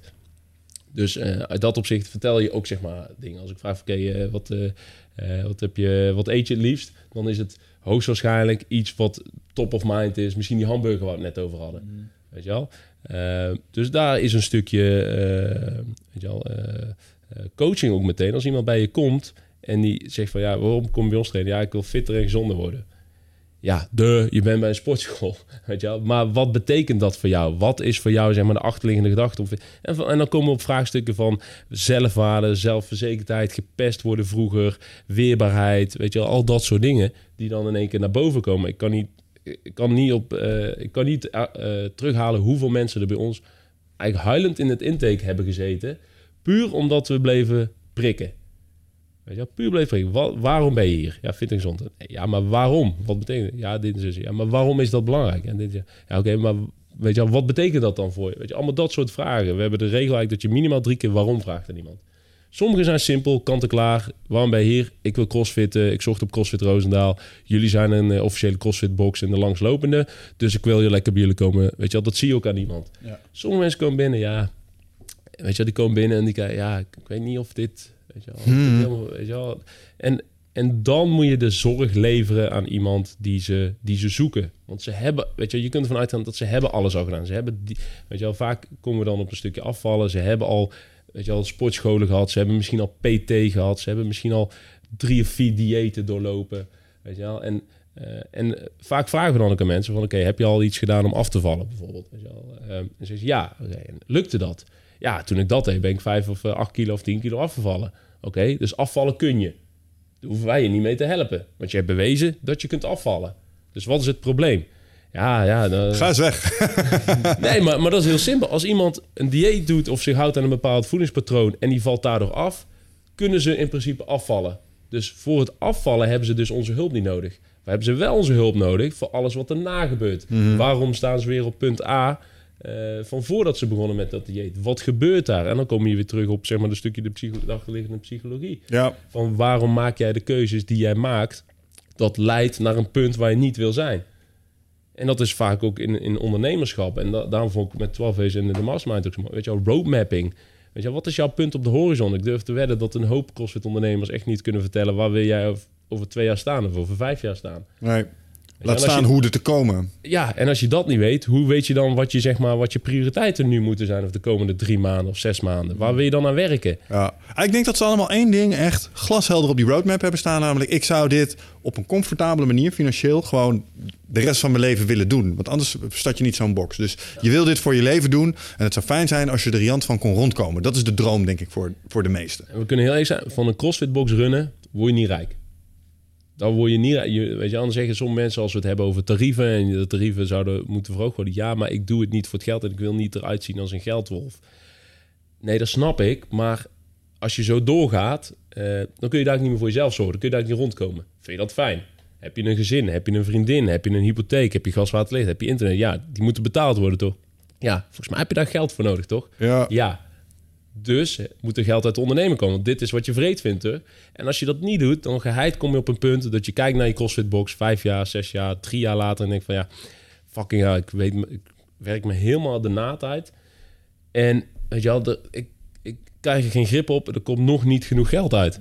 Ja, En dan ga je jezelf tegenstaan. Dan zijn niet meer, weet je wel, die passievolle... Want weet je wel, dat is ook weer een ding, weet je wel. Iedereen moet zijn passie zoeken en uit zijn passie. Nee, weet je wel, start with why. Een boek van Simon Sinek ook, weet je wel. Waarom doe je wat je doet? En passie gaat maar zo lang mee. Weet je wel, waarom doe ik wat ik doe? Dat is niet, eh, weet je wel, passie was crossfit en mensen eh, denken, maar waarom ben ik ondernemer geworden en ga ik door met de box en wil ik die ontwikkelen en beter maken? Enerzijds omdat ik mensen wil helpen en ik wil mensen op een veel grotere schaal helpen, maar dat is een ander verhaal. Ehm, en anderzijds wil ik de vrijheid hebben om creatief bezig te zijn, om de papa te kunnen zijn die ik wil zijn en voor mijn gezin te kunnen zorgen op de manier dat ik wil. Dat zijn mijn waardes waarom ik doe wat ik doe. En, ehm, en dat is gewoon een belangrijk. Alleen maar een passie. CrossFit is fucking vet en iedereen zou het moeten doen. Ja, oké, dan haal je misschien de eerste twee, drie jaar haal je daarmee door. En daarna begint de realiteit te komen van ondernemerschap. Je wel? En ik spreek zat CrossFit boksen en die, die struggle ermee. En die zeggen, ja, ik weet het wel, maar ik kan geen keuzes maken. Want wat als ik de verkeerde keuze maak? Ja, er is geen verkeerde keuze, er is alleen maar keuze. Je gaat links of je gaat rechts. En als je dat pad bewandeld hebt, dan kijk je terug en dan kun je misschien zeggen: Oké, ik had misschien een andere of betere keuze maken. Maar dan weer kun je links of je kunt weer rechts. Weet je wel? En dan weer kun je weer links of weer rechts. Maar een keuze is een keuze. Op dat moment weet je niet of het goed of slecht Ja, is. Dus Daar zie je ook gewoon dat het ondernemers zijn. Daar worstelen meer ondernemers mee. Wat, wat, is, jou, wat is jouw beste tip voor dat soort ondernemers als je worstelt? Over van, ja, wat moet ik nou doen dan? Als het gaat om geldzaken? Nou, gewoon eh, ondernemerschap. Je weet niet waar je heen moet. Links of rechts. Hoe, hoe, hoe, doen wij dat? Hoe doe jij dat? Nou ja, goed. De eerste tip is inderdaad vragen veel. Waar zie je jezelf over drie jaar? Ja. En, als de- en vaak is dat een, ehm, een beeld wat vervaagd is door de rompenslomp waar ze op dat moment doorheen gaan. Ja. En eh, op het moment dat jij gaat irriteren aan al die, al die kutklanten, ja, dan ben je eigenlijk al te ver. ja, Ja. En, Ik- eh, Ja, iets wat me ook triggert daarbij trouwens. Als ik eh, me probeer voor te stellen waarom een personal trainer überhaupt zijn werk zou willen maken van personal training. Of een crossfitbox eigenaar of een vechtsporter. Vaak omdat ze ook meer willen doen van hetgeen waar ze heel blij van worden. Bijvoorbeeld waar personal training, oh lekker aan mijn eigen vitaliteit werken ook de hele dag. Snap je? Dus ook vanuit het punt kan ik meer actief zijn. En ook training geven is beweging. Dus dat is ook lekker om op die manier actief te zijn. En dat is allemaal met een doel om ook voortgang te boeken in je eigen sportieve ambitie. En wat me altijd opvalt bij personal trainers... is dat dat juist terugloopt... Ja, naarmate ze minder aandacht voor, voor, eh, voor zichzelf gaan hebben... meer voor anderen... Ze worden zelf minder sterk. Ze hebben veel meer stress. eh, ze worden zelf ongezonder. Doordat ze aan zijn gaan doen waar ze eigenlijk hartstikke blij voor waren. Dat is heel paradoxaal als je het mij vraagt. ja, tuurlijk. Hoeveel personal trainers zie jij wel niet zeg maar, klanten trainen die zelf gewoon echt niet gezond eruit zien? En dat bedoel ik niet, weet je, dat ze allemaal six-pack abs moeten hebben en eh, rock solid, eh, shredded eh, lichaam. Maar ja, soms verbaas ik me dat ik denk van oké, eh, als je niet voor jezelf zorgt, nogmaals. En ik, ik ben er ook schuldig aan, hoor, want het eerste wat bij mij vaak vervalt als ik in de gym ben, je, ik kijk door mijn raam het kantoor uit, ik kijk naar een duizend vierkante meter gym. En wat zit ik? Eh, ja, ik moet eigenlijk trainen. hè. Even dit afmaken. Eh, Ja, ja, ja de rest is like minimaal. ik, ik, moet wel, ik moet eigenlijk wel squatten. Maar ik ga wel even zo zitten. Ik ga naar buiten kijken. Dat is het eerste wat er bij mij inschiet. Ja. Ja. en ook daar, en dan kom je weer terug op een stukje workflow, werkethiek, hoe je het ook wil noemen. Reserveer gewoon tijd in je agenda. Eh, Volgens mij, uh, Richard de Letti zei het bij jullie, die zei van... eh, ontspanning is het eerste wat ik inboek in mijn agenda. En Volgens mij was er nog iemand die dat ook een keer zei. Volgens mij Inzo. Weet je wel, dat is het eerste wat ik inboek. En, en dan kom ik terug op klanten die dan zeggen van... ja, ik heb zo druk, ik heb zo druk op het werk. Dus ja, nee, dan kan ik minder sporten. En ja, nee, is moeilijk, moeilijk, moeilijk. Maar ik denk, ja, maar wat levert sport... Waarom sport jij? Wat levert je op? Ja, daar word ik wel blij van. Daar krijg ik energie van. En weet je wel, dan voel ik me fit, vitaal. En dit is, en dan kan ik een beetje focussen, hoofd leeg maken. Zo, dus waarom wijkt dat dan als jij het drukker hebt? Wel, waarom is het niet gewoon, luister, maandag en donderdagavond bij wijze van van 8 tot 9 sport ik. No matter fucking what. Tenzij er een overlijdensgeval in je familie is of, of een geboorte of zo. fear of missing out, jongen. Of eh, ja, druk. Dat twee, ja, maar iedereen heeft het druk. Iedereen heeft het Nee, maar ik altijd bedoel, druk. een bepaalde druk die Oh, je zelf oplegt. In Ja. de zin van, eh, het Ja. moet af of dan komt het niet goed. Dit is een belangrijke klant. Maar het is ook een waardering want, eh, van, van hetgeen wat je doet. Want we hadden het toevallig voor de podcast ook over, zeg maar, het, het vastzetten van bepaalde momenten en dan de rest maar een soort van vol laten lopen. En ik zie toch mensen als ze dat doen, ik, ik, ik herken dat, dan blokkeren ze tijd ergens voor. Maar dan komt er het spanningsveld met iets anders. Bijvoorbeeld, oh, ik kan om acht uur trainen, maar ik kan ook toch nog om zeven uur dit gesprek voeren met een potentiële klant. Nou, dan schuif deze training, want dan zit ik in de auto. Dat zijn spanningsvelden die ik dan heb. En dat is dan omdat business development is dan even het primaire project. Dat is het belangrijkste project op dat moment. En eh, iets wat ik heb geleerd, wat mij heel veel heeft gebracht, is zeggen: nee, het sporten is ook gewoon een project. Ik heb daar een gewenste uitkomst, namelijk de, de double bodyweight deadlift. Dat is de uitkomst. En daar zit wel een beetje iets van een deadline aan. En dat behandel ik gelijkwaardig aan business development. En ik denk dat dat het verschil is voor een boel mensen. Dat ze, dat ze die vitaliteit op een of andere manier toch altijd op de tweede plek zetten voor zichzelf. eerste wat erbij inschiet, en zoals ik zei, dat is bij mezelf ook wel zo, is sporten. En eh, ik woon in Breda, de gym is in Roosendaal. Dus eh, ik heb ook gerealiseerd, het is voor mij niet effectief of efficiënt om steeds naar Roosendaal te moeten gaan, ook al heb ik een eigen gym. Dus ik heb een sport gewoon in Breda gezocht, dat ik twee keer per week ga trainen. Ik denk dat dat misschien ook wel beter is voor je. Ja, geen afleiding voor, Geen van werk in je... geen mensen ja. die in één keer aan mijn jas trekken van... Hey, of een belletje of dit of zus. Weet je, en dan kom je ook weer... En dan kom je weet je, ook met... Oké, hoe werk je? Weet je. Kun je daadwerkelijk dat blokkeren en zeggen... Luister, dit is me time. Weet je, wel. hoe ziet de rest van je dag uit? Is het niet altijd dat mensen zeggen... Ping, ping, ping. Weet je wel, WhatsApp, belletje, mailtje, zus. Weet je, alles is urgent. Weet je wel, Instagram, eh, Facebook, alles is urgent. Dus alles moet meteen afgehandeld worden. En dan, weet je wel, en als je dan gewoon werkt, maar luister, niet, niet iedereen hoeft binnen een minuut of binnen vijf minuten antwoord. Nee Als je acht uur later antwoordt, Is het oké? is het oké. dat vind ik zo grappig. Ja, ja, maar een boel mensen hebben daar moeite mee hoor. En ik merk het ook in, eh, bij mensen om me heen. Jij weet wat een SLA is. Ja. Toch? Ja, Service Level Agreement. Sluit je als IT-club soms met mensen af. Dan, dan moeten ze binnen een bepaalde snelheid... Als jij een ticket inschiet, moet je bij een prio 1 binnen een uur reageren... bij een prio 2 binnen een dag, et cetera, et cetera. En het lijkt er inderdaad op dat er een soort social contract... een soort sociale SLA is... waarbij er verwacht wordt dat zodra de blauwe vinkjes zijn gezet... dan gaat er een soort timer lopen... en als je daar binnen niet reageert... is het ineens onbeschoft geworden of zo. Dat, dat, is, dat, dat is gewoon een verwachting die er is. Ik vind het belachelijk. Ja, maar het is ook die eh, instant gratification eh, eh, speelt er ook een rol in. Hè? Weet je, wel, als, als jij iets iemand stuurt en iemand stuurt meteen iets terug... of je krijgt een bericht binnen, dan is van... ho, ik ben belangrijk of zo voor iemand. Weet je wel, iemand wil met mij praten, iemand wil interactie met mij... dus ik moet daar dan ook meteen naar kijken. Ik stoor me daar steeds en steeds meer aan. Ik heb al mijn notificaties op mijn telefoon heb ik uitstaan, behalve Ja. mijn agenda. Ja, en ik heb een hele belangrijke afspraak gemaakt binnen mensen waar ik, waar ik nou mee samenwerk, of zeg maar binnen de relaties. Ehm, we communiceren niet meer via WhatsApp. Ik wil geen muren van tekst meer. Je belt maar. Ja. Als er iets is en, er zit, en je bent aan het communiceren, er zit emotie in, ik vind, ik voel, dan wordt er gebeld. Er wordt niet meer geappt, er wordt niet meer gemaild over. Ja, Wij doen dit verbaal. Je bedoelt het in de relatie-relatie. Maar ook gewoon als ik moet communiceren met iemand in een zakelijke context. En, het, en er begint emotie, want je bent of teleurgesteld in iets of er zware verwachtingen. Niet meer via de WhatsApp. Dat ken je wel. En er zijn mensen aan het typen. Zie je, dat staat te typen. En een half uur later is het nog typen. En dan komt er komt er zo'n verhaal binnen. Ja, dag. Van die, eh, Hoeveel ruis ontstaat daar? ja, context en zeg maar eh, intonatie van een bericht is altijd... Want jij, eh, jij projecteert hoe jij je op dat moment voelt... of wat jij denkt dat die ander bedoelt... projecteer jij op dat stukje tekst. Ja. Dat gewoon tekst is. Er zit geen intonatie in, er zit geen, geen bepaalde... Het is gewoon tekst. En dan denk jij van, oh fuck, diegene zal wel zeiken of pissig zijn... want ik, ik weet ergens dat dit misschien niet helemaal goed ging. Dus dat projecteer je op en dan ga je terugtikken... van flikker die, in die... En dan die ander ziet dat en die denkt van, oh shit, hij heeft... En dan krijg je dat. Ja, Weet je wel? En ik heb zoveel meegemaakt dat als je gewoon met mensen praat... Dat, en dat wordt volgens mij de kunst van, van het gewoon praten met elkaar... is tegenwoordig zo ondergewaardeerd of zo. Het is, stuur maar een appje. Soms mensen bel je, nemen niet op... stuur ze een appje, reageer ze meteen. Grappig is dat, hè? fuck? Ja, hoe zit dit? Nou, als je in een overleg zit, snap ik het. Aan de, aan de andere kant, kijk niet op je telefoon en overleg. Daar kun je van alles van vinden, maar ik snap het. Nee, maar ik heb het mezelf letterlijk ook laatst horen zeggen.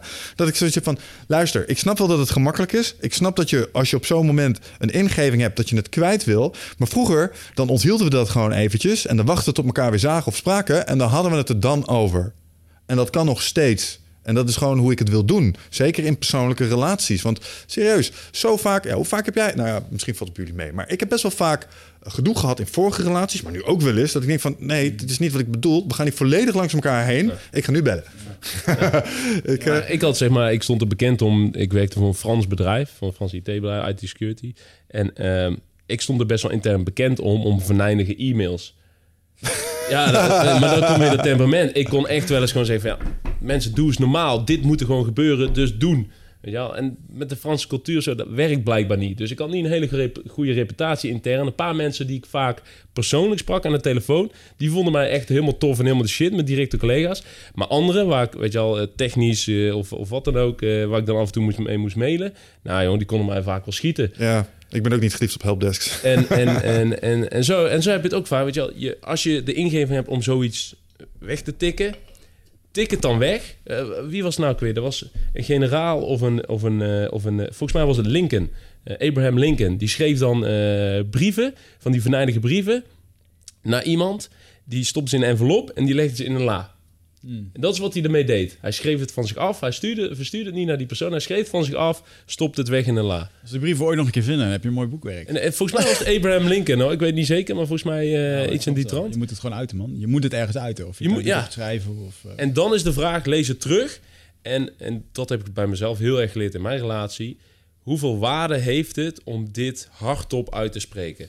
Word ik er beter van? Wordt zij er beter van? Worden wij er beter van? Oh, dat is een mooie. En 9 van de... Nee, bij mij was het in ieder geval 9 van 10 keer. Want eh, ik heb blijkbaar een heleboel bullshit. was het gewoon het niet waard om het uit te spreken? Grappig dat je dat zegt. Hadden, ik had hier laatst een discussie over, of we hadden het over met Wichert. ehm, dat, ehm, ik, ik probeerde echt een ding van te maken de laatste tijd om zo zuiver mogelijk te spreken. Ik ben daar nu eh, echt bijna dik twee jaar mee bezig. Sinds het eind van mijn vorige relatie. Het brengt me ongelooflijk veel goeds. Maar ik heb iets ontdekt waarbij te zuiver spreken ook een ding is. En dat, daar hadden we het over, dat, dat ik hoorde laatst mooi term van, een zwarte waarheid. Oh, ja, weet je wel, oh, dat je, ja. dat je met waarheden gaat gooien, maar je weet deze doen schade. Ja, ja. Ja, en, en dan kan je soms op zo'n moment kan je, maar ik zit helemaal in mijn recht en ik heb gelijk. En als je het dan uitgooit, eigenlijk veroorzaak je damage op zo'n moment. En als ik dan later terugdenk, ik heb het ook wel eens niet gedaan, dacht ik, vind ik het nu nog steeds zo belangrijk om dit zo te zeggen, ondanks dat het zuiver was.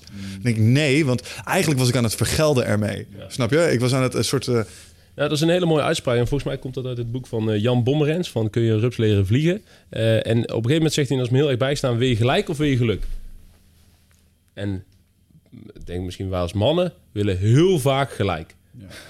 Want ik sta recht en, en zo is het. En dus jij zal, je, eh, jij zal je conformeren aan mijn gelijk. ja, Ja, en, en in dat opzicht dus vaak van... moet ik dit nu zeggen? Wil ik mijn gelijk per se halen? Of wil ik zeg maar gewoon liever Ja. geluk? En, je hoeft, en dat betekent niet dat je altijd de, de vrede hoeft te bewaren. Maar er zijn heel veel dingen als je erop nagaat... dat je denkt van ja, Was het is dit het, het waard? Nee. Ken, je dat dan? Herken je dat? Eh, dan zal je dat herkennen. Als je dan je gelijk wel gaat halen, omdat je het even moet, dan ga je er ook eens even echt goed voor zitten. Zo van, oké, maar nu gaan we dit Ja. eens even uitpakken met z'n tweeën. Wat zei je zojuist? Dat je Ah, dan ja, pap, pap, pap, Ik, pap. ik zal dan nog een keer naar de oppas zijn. Ik maak het huis netjes. Ik ga op de bank zitten. Dan Deur gaat dicht. thuis Ja. En dan krijgt ze de volle... La nee. Heb jij er wel eens last van? Nooit. Nee, nooit? Nee. Ook niet- nooit gehad. Jawel, ik ben wel heel... eh, Hoe heb je het leren overmeesteren? Verder van winnen. Nou, ehm, eh, ja, dat is een goeie. Vroeger ging ik gewoon weg. Vroeger was nooit iemand... Nou, dat was het. Mijn schild was vroeger dat ik gewoon een schild omhoog trok en dacht, ik hoef jouw problemen niet te horen. Hmm. En dan ging ik gewoon weg. Dus niemand was eigenlijk welkom bij mij met, eh, met shit waar ik geen zin in had. Nou ja. En dat was gewoon, een, eh, ja, gewoon in mijn, in mijn jeugd, omdat er te veel is gebeurd waarop ik op een gegeven moment dacht van nu ga ik voor mezelf kiezen. Ja, dat helpt niet op het moment dat je vervolgens in werk of in relatie of dingen bent. Nee, snap ik. Eh, ja, komen we toch weer terug op dat eh, magische drankje. Gewoon veel psychedelische Die middelen doen. mij, Komt het eh, vanzelf goed. Ja, die heeft mij echt een stuk relaxer gemaakt. Dat mensen ook, nu krijgt dat nu nog echt heel vaak te horen van mensen die zeggen van, joh, ik ken jou van vroeger. Jij was echt zo, zo lomp en zo direct. Als je het ergens niet mee eens was, dan kon ik echt gewoon iemand afsnijden, weet je wel. Ja. Je was wel een intense dude, ja. Eh, Dan Peña die zei het laatst op het podium nog van... eh, if your face would be on fire, I wouldn't stamp on it. I was that guy, weet je. en, eh, ja, als ik echt gewoon... eh, en dat zat heel veel vooroordeel bij, hè. Wat natuurlijk gewoon een projectie is van jezelf uiteindelijk. Ja. Iemand kreeg bij mij eigenlijk niet altijd... Met, als ik merkte dat iemand een beetje whiny was, dan kreeg het bij mij ook geen kans. Ja. En, ja, goed. Dat is grappig. We hadden laatst een gesprek met de compagnons. En nogmaals, Leroy, een van mijn compagnons. eh, hele slimme dude. We noemen hem ook Master Splinter. Eh, Ninja Turtles, Turtles, voor yeah. mensen die het niet weten. Google is your friend. Ehm, en die zei tegen mij... Luister, als er iets gebeurt, dan is dat een feit. Een feitelijke gebeurtenis. En alles wat jij daarvan vindt of wil zeggen... is jouw projectie op die feitelijke gebeurtenis. Weet je, wel, dat, dat verandert de gebeurtenis niet. Dat maakt het niet meer of minder waar. Eh, maar dat is met alles wat jij erop weet je, meeneemt naar die gebeurtenis, is jouw projectie erop. Eh, dus dat vond ik wel een heel interessante hoe je dan bijvoorbeeld naar, naar bijvoorbeeld eh, ervaringen of negatieve ervaringen of wat dan ook kan kijken of negatieve gebeurt van ja dit is gebeurd en weet je wel moet ik daar mijn plasje of mijn zegje heel erg over gaan doen van dit vind ik en dit kan Ja, ik dat, dit- dat stukje gelijk halen, dat is inderdaad een, eh, dat is natuurlijk gewoon puur een, een ego-ding inderdaad. Ja. En eh, ik heb daar heel lang in gezeten hoor. Maar, maar ik heb mijn broer tien jaar, niet, tien jaar lang niet gezien omdat ik boos op hem was, omdat ik hem de schuld gaf voor mijn rotjeugd. Ja. heb gewoon tien jaar lang de deur dicht gedaan. Er zijn momenten geweest dat ik hem na vijf jaar een keer tegenkwam in de stad. En dat we elkaar gewoon langs, langs elkaar heen liepen. En dat hij wel een soort van contact wilde maken. Maar dat ik gewoon... eh, het was echt woedend. Ja. Dat is wel echt een eh, fucking steen die je eh, op je leven meedraagt. En, eh, Zo. eh, ja man, op een gegeven moment is het dan na tien jaar eh, beslissing gemaakt, wederom door. en eh, dat heeft er ook alweer drie jaar voor. Toen ik de beslissing had gemaakt van oké, ik sta nu al open, heeft het nog drie jaar geduurd voordat ik daar eh eh, we echt die ontmoeting kregen. En dat we elkaar een hand konden krijgen en nog een colaatje konden drinken. En dan weet ik nog dat ik daarna echt eh jankend op mijn bed zat boven. Nou, dat heeft een uur geduurd, dat gesprek. Het ging alleen maar over koetjes en kalfjes. Eh, en dat ik echt dacht, jongen, waarom heb je hier tien jaar mee rondgelopen? Maar ik kon het gewoon niet, man. Ik was gewoon boos. Ja. Ja, ja, maar zeker met dat soort dingen kan ik me echt voorstellen. En die snijden ook diep en dan inderdaad in je gelijk blijven zitten. Nou, ik heb dat, eh, ik heb dat ook tijden wel gedaan. Zelf, zelf heb ik een hele mooie daarin die ik laatst hoorde. En die helpt me daar nu al mee. Ik wou dat ik die eerder had gehoord. Was, eh, iedereen heeft het over loslaten. Hè? Je moet die dingen loslaten. Schijnt best wel onzin te zijn, want ze zijn een onderdeel van je. Dus je kan niet... Hè, die feitelijkheden zijn een feit. Dus als jij iets hebt meegemaakt, heb je het meegemaakt. En dan is altijd het ding... Ja, je moet het loslaten. Dus of- dat- dan denk ik altijd, doen alsof het er niet is of zo. Of wat dan ook. Toen ik laatst, je moet het anders vasthouden. Het is een, het Een is een- andere, andere, ja. Het is een beschermingsmechanisme wat je jezelf hebt aangeleerd, wat je toen diende in die tijd. Maar het, he- dat is hetzelfde dat je, ehm, eh, wat je vaak ziet in relaties, dat mensen, eh, er wordt vreemd gegaan of wat dan ook, en ze vertrouwen niemand meer. En ook de volgende dus niet meer, Ja, want ja. ik ben altijd. En, en, en daar gaat het de fout in. Ik bedoel, je moet iedereen een nieuwe kans kunnen geven. En eh, ja, dat zijn oude patronen doorbreken. Ja, en dat is volgens mij ook toen eh, wat Moke dat toen eh, tijdens die seminar bij jullie zei. Is van, eh, ook dat, weet je, een gebeurtenis is een gebeurtenis. En dat kan een hele verdrietige of pijnlijke gebeurtenis zijn. Maar de, het verdriet en de pijn is, is op dat moment over dat. En maar het de hele tijd weer, eh, weet je wel, terughalen of visiteren. Ja, dat levert zeg maar een lijdensweg op. Ja. Het is zelfs zo bewezen dat het fysiek bewezen is dat op het moment als wij pijn ervaren, dat het eh, 90 seconden een ervaring is die in ons blijft. En daarna dan appt het weg. Ja. En als we er langer dan 90 seconden mee bezig zijn, dat betekent dat we met ons hoofd er een verhaal mee aan het maken zijn en dat het echt geïntegreerd wordt in ons lichaam. Ja, dat, dat herken ik wel. Soms ontkom je er ook niet aan. Dan, dan zit je ergens in. Soms merk ik, dat ik word pissig. Of eh, ik ben nu ergens eh, een bepaald negatief gevoel bij. En dan glijdt het weg en dan zie je het gebeuren. En dan denk je, lekker. En, dan- en dan wil je er ook echt even in zwelgen, weet je. Want dan oh, kun je heel auto gewoon woest Je zijn. mag gewoon mens zijn, hè? dat is ook gewoon. Ja, ja, Dat ja. is ook, eh, is de- wat is dat gezegd? Je kan het etiket niet lezen als je in de pot zit. Ja, ja. Dat is wel mooi, hè? Ja. En dat, is, dat, is, ook zo. Ja, als je in die situatie zit, dan kun je niet eh, heel makkelijk zeggen: Oh, ik neem er even afstand van en ik ga het relativeren. Want Nee. Ja. En dat is, dat is hetzelfde als je nu naar, dat vind ik een beetje schadelijker van coaches tegenwoordig. Ehm, dat als iemand echt die gedachte heeft en er zit in een slachtofferstand of eh, voelt zich aangedaan en dan gaat een coach tegenover en zegt: joh, Halim, wat jij daar allemaal gelooft, is gewoon een illusie, het bestaat niet. oh, ja. En dat het dan na een uur klaar is. Voor iemand is dat echt zo. Iemand voelt die pijn en heeft, die, heeft dat verdriet echt wel. En eh, daar is dieper werk voor nodig om eh, alleen maar te denken: oh ja, dus dan is het niet waar. Oké, bedankt. Ja. Dat Ja, maar ik, dat, ik denk dat het op zekere hoogte waar is. Zeker als het om dingen gaat, zoals bijvoorbeeld een, een hele verstoorde relatie met je broer of met je moeder of wat dan ook. Daar, daar kan je niet zomaar even weglullen. Mm. Aan de andere kant, ik zit me ook wel eens op te vreten over dingen. En dan werkt het trucje van bijvoorbeeld een Jocko Willink. En dat, dat is weer even het bruggetje terug naar het ondernemerschap ook wel. Want dan krijg je soms te maken met teleurstelling.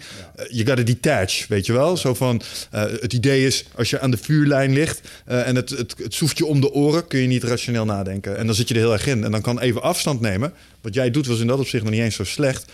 Als, het, als ik heel woest word, of eh, de meet loopt in het rood, dan neem ik ook even afstand. Ga ik even weg, is beter.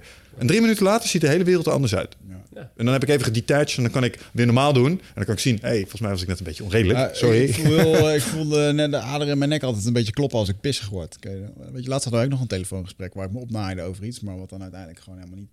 Uiteindelijk gaat het ook nooit daarover. En dan Ja. kan ik in een telefoongesprek op het einde nog wel even zeggen: hé man, Met die kast. die kast. ik irriteerde me aan iets wat al fucking weken niet wordt geregeld. Oh, sorry, dan, man. eh, dan heb Ja. ik gewoon iets. eh, ah, dan heb ik dat in mijn hoofd, dan wil ik dat. En dan. En, eh, op een gegeven moment kwam het te sprake en ik kon het niet laten om het gewoon. eh, het barstte gewoon even, weet je wel. En dan. eh, Oh, ik ben vaker een exercitie in geduld voor we mensen. vijf, we hebben vijf minuten een gesprek en dan... eh hey eh, Mick, aan het einde nog even... Hey, sorry man, van de net. Maar daar heb ik- Niks persoonlijks. Dat is, eh, maar daar heb- weet je, wel, het is niet dat ik nu compleet niet meer ontplof. Ik pl- ontplof het nog steeds wel eens. Maar ik heb dan wel veel sneller de realisatie van... oké, weet weet je wel, relax. En weet je wel, dat ik veel sneller ook gewoon, weet je, oprecht gewoon sorry zeg van... hé, hey, dat was niet de bedoeling en zo. Ja, ja, dat doe ik ook veel. ik niet. Ja, ja, Dus, ja. eh, Dat kon ik vroeger niet goed. oh, ik ook, absoluut. Mijn fouten toegeven. Dat gaat de laatste tijd stukken beter. We zitten wel een beetje op het einde van de tijd aan het lopen met eh, dingen. Oh ja, het gaat echt snel in dat opzicht. even Deze, deze podcast gaat een beetje alle kanten uit. Maar ik vind het helemaal niet erg. Want ik het switch to the main thing. Ja, we gotta keep sorry. the main thing the main thing. Ehm, nou ja, eigenlijk was ik al een klein beetje een bruggetje terug aan het bouwen naar het stukje ondernemerschap. Want daar begeleid je tegenwoordig eh, eh, mensen in. We zijn daar gezamenlijk een programma in gestart, inderdaad, Kickstart Your Box. Omdat ik inderdaad, eh, nou, ik herkende eh, de euvels waar je het over had. Ook vanuit mijn eigen personal trainer tijd. Ik ben bij een boel gyms binnen geweest. Ik, heb een boel vrienden die ondernemen in dat opzicht. En eh, nou, soms is dat een, inderdaad een moeizame weg. Ehm, het stukje wat daarbij hoort, wat mij betreft, ook bij het ondernemerschap, dat vond ik wel even interessant, is het stukje nou, omgaan met teleurstellingen. Ik bedoel, je hebt zelf in je reis ongetwijfeld ook wel eens eh, mooie momenten, maar ook wel eens eh, nou ja, iets minder leuke momenten meegemaakt. Ja. Hoe deelde je daarmee?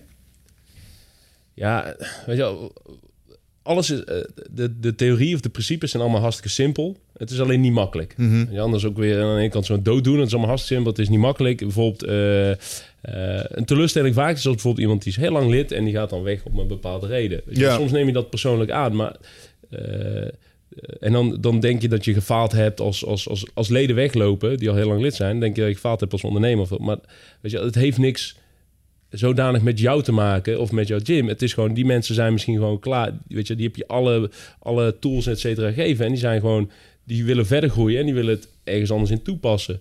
Ehm, en eh, dus, dus teleurstellingen is, weet je wel, dat you never lose, you only learn. Weet je, allemaal van dat soort eh tafereelen. Nou. Maar dat vind ik wel een hele belangrijke. Als je, je moet het niet persoonlijk nemen.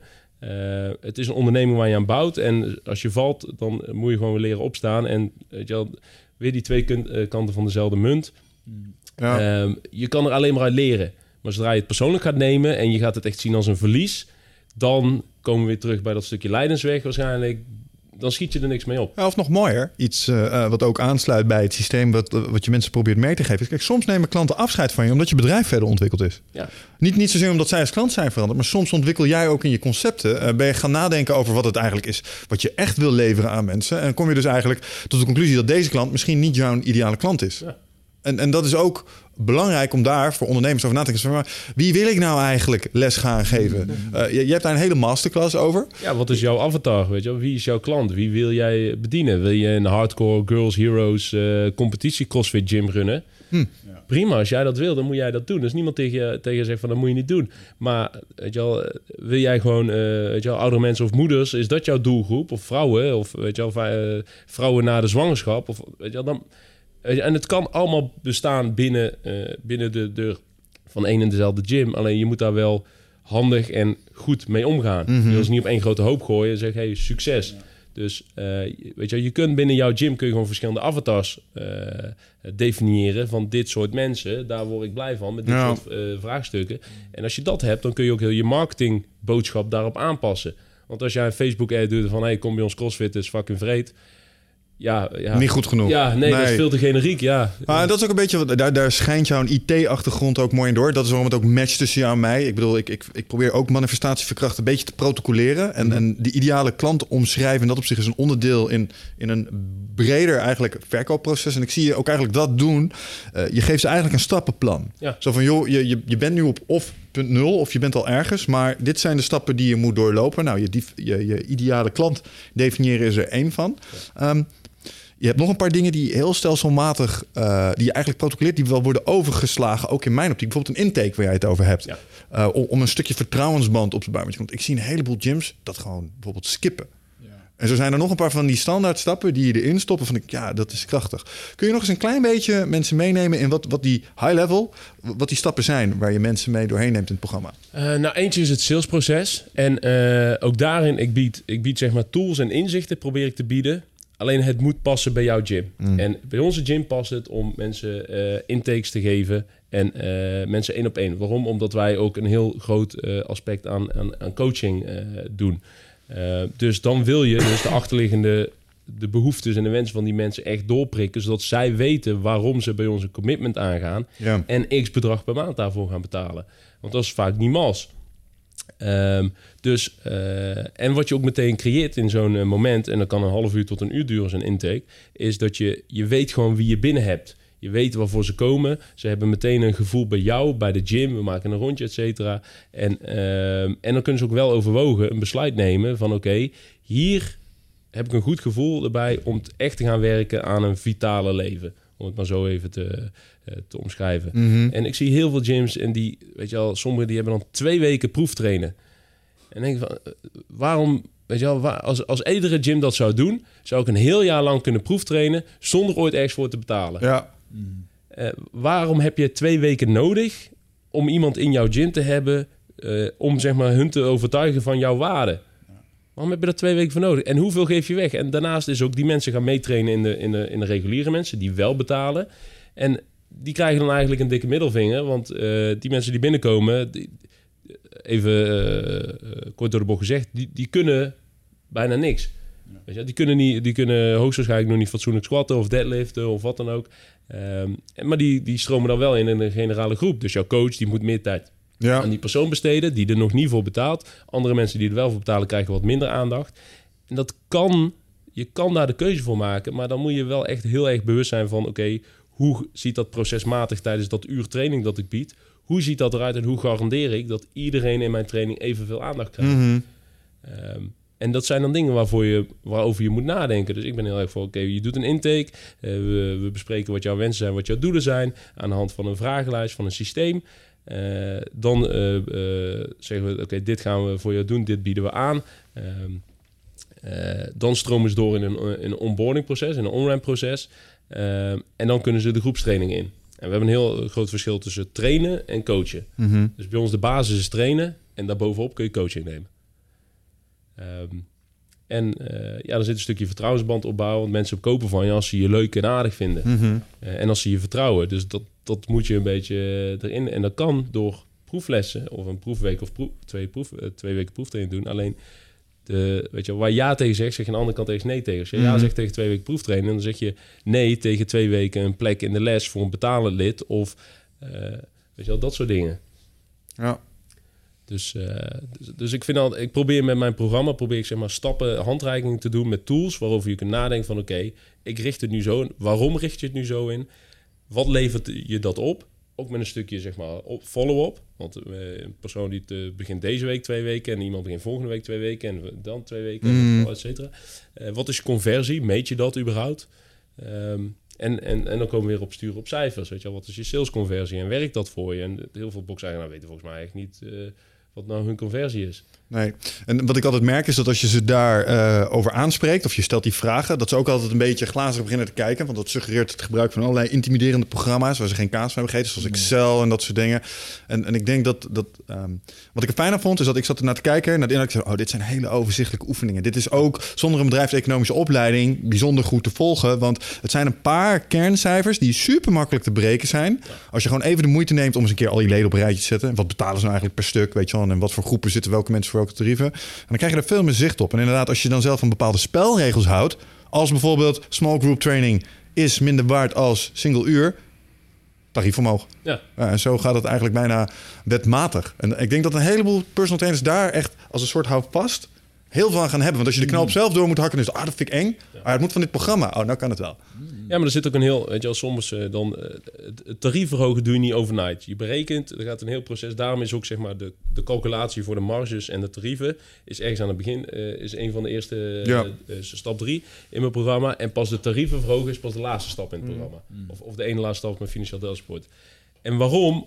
Omdat er een heel leercurve aan vooraf zit van de waarde die je biedt. Je kunt niet van de een op de andere dag zeggen van... oh shit, mijn tarieven zijn te laag. Dus morgen zend ik een mailtje naar iedereen van... hé, hey, eh, tarieven gaan morgen omhoog. Mag ook een jaarproject zijn.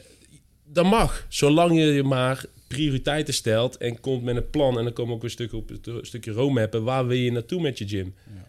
Weet je wel? Stel, ik wil 100.000 euro per jaar verdienen met mijn gym. Oké, prima, dat is een doelstelling. Wat moet daar allemaal voor op zijn plaats vallen... om dat uiteindelijk uit de gym te trekken als eigenaar? Ja.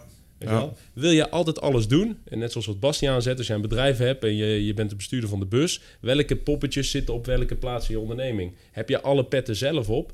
Dan kun je ervan uitgaan dat op één van die vlakken er iets onderuit gaat. Want je kunt niet alles zelf blijven doen. Ja. Ja, dus sommige dingen moet je uitbesteden. Is daar financieel ruimte voor, ja of nee?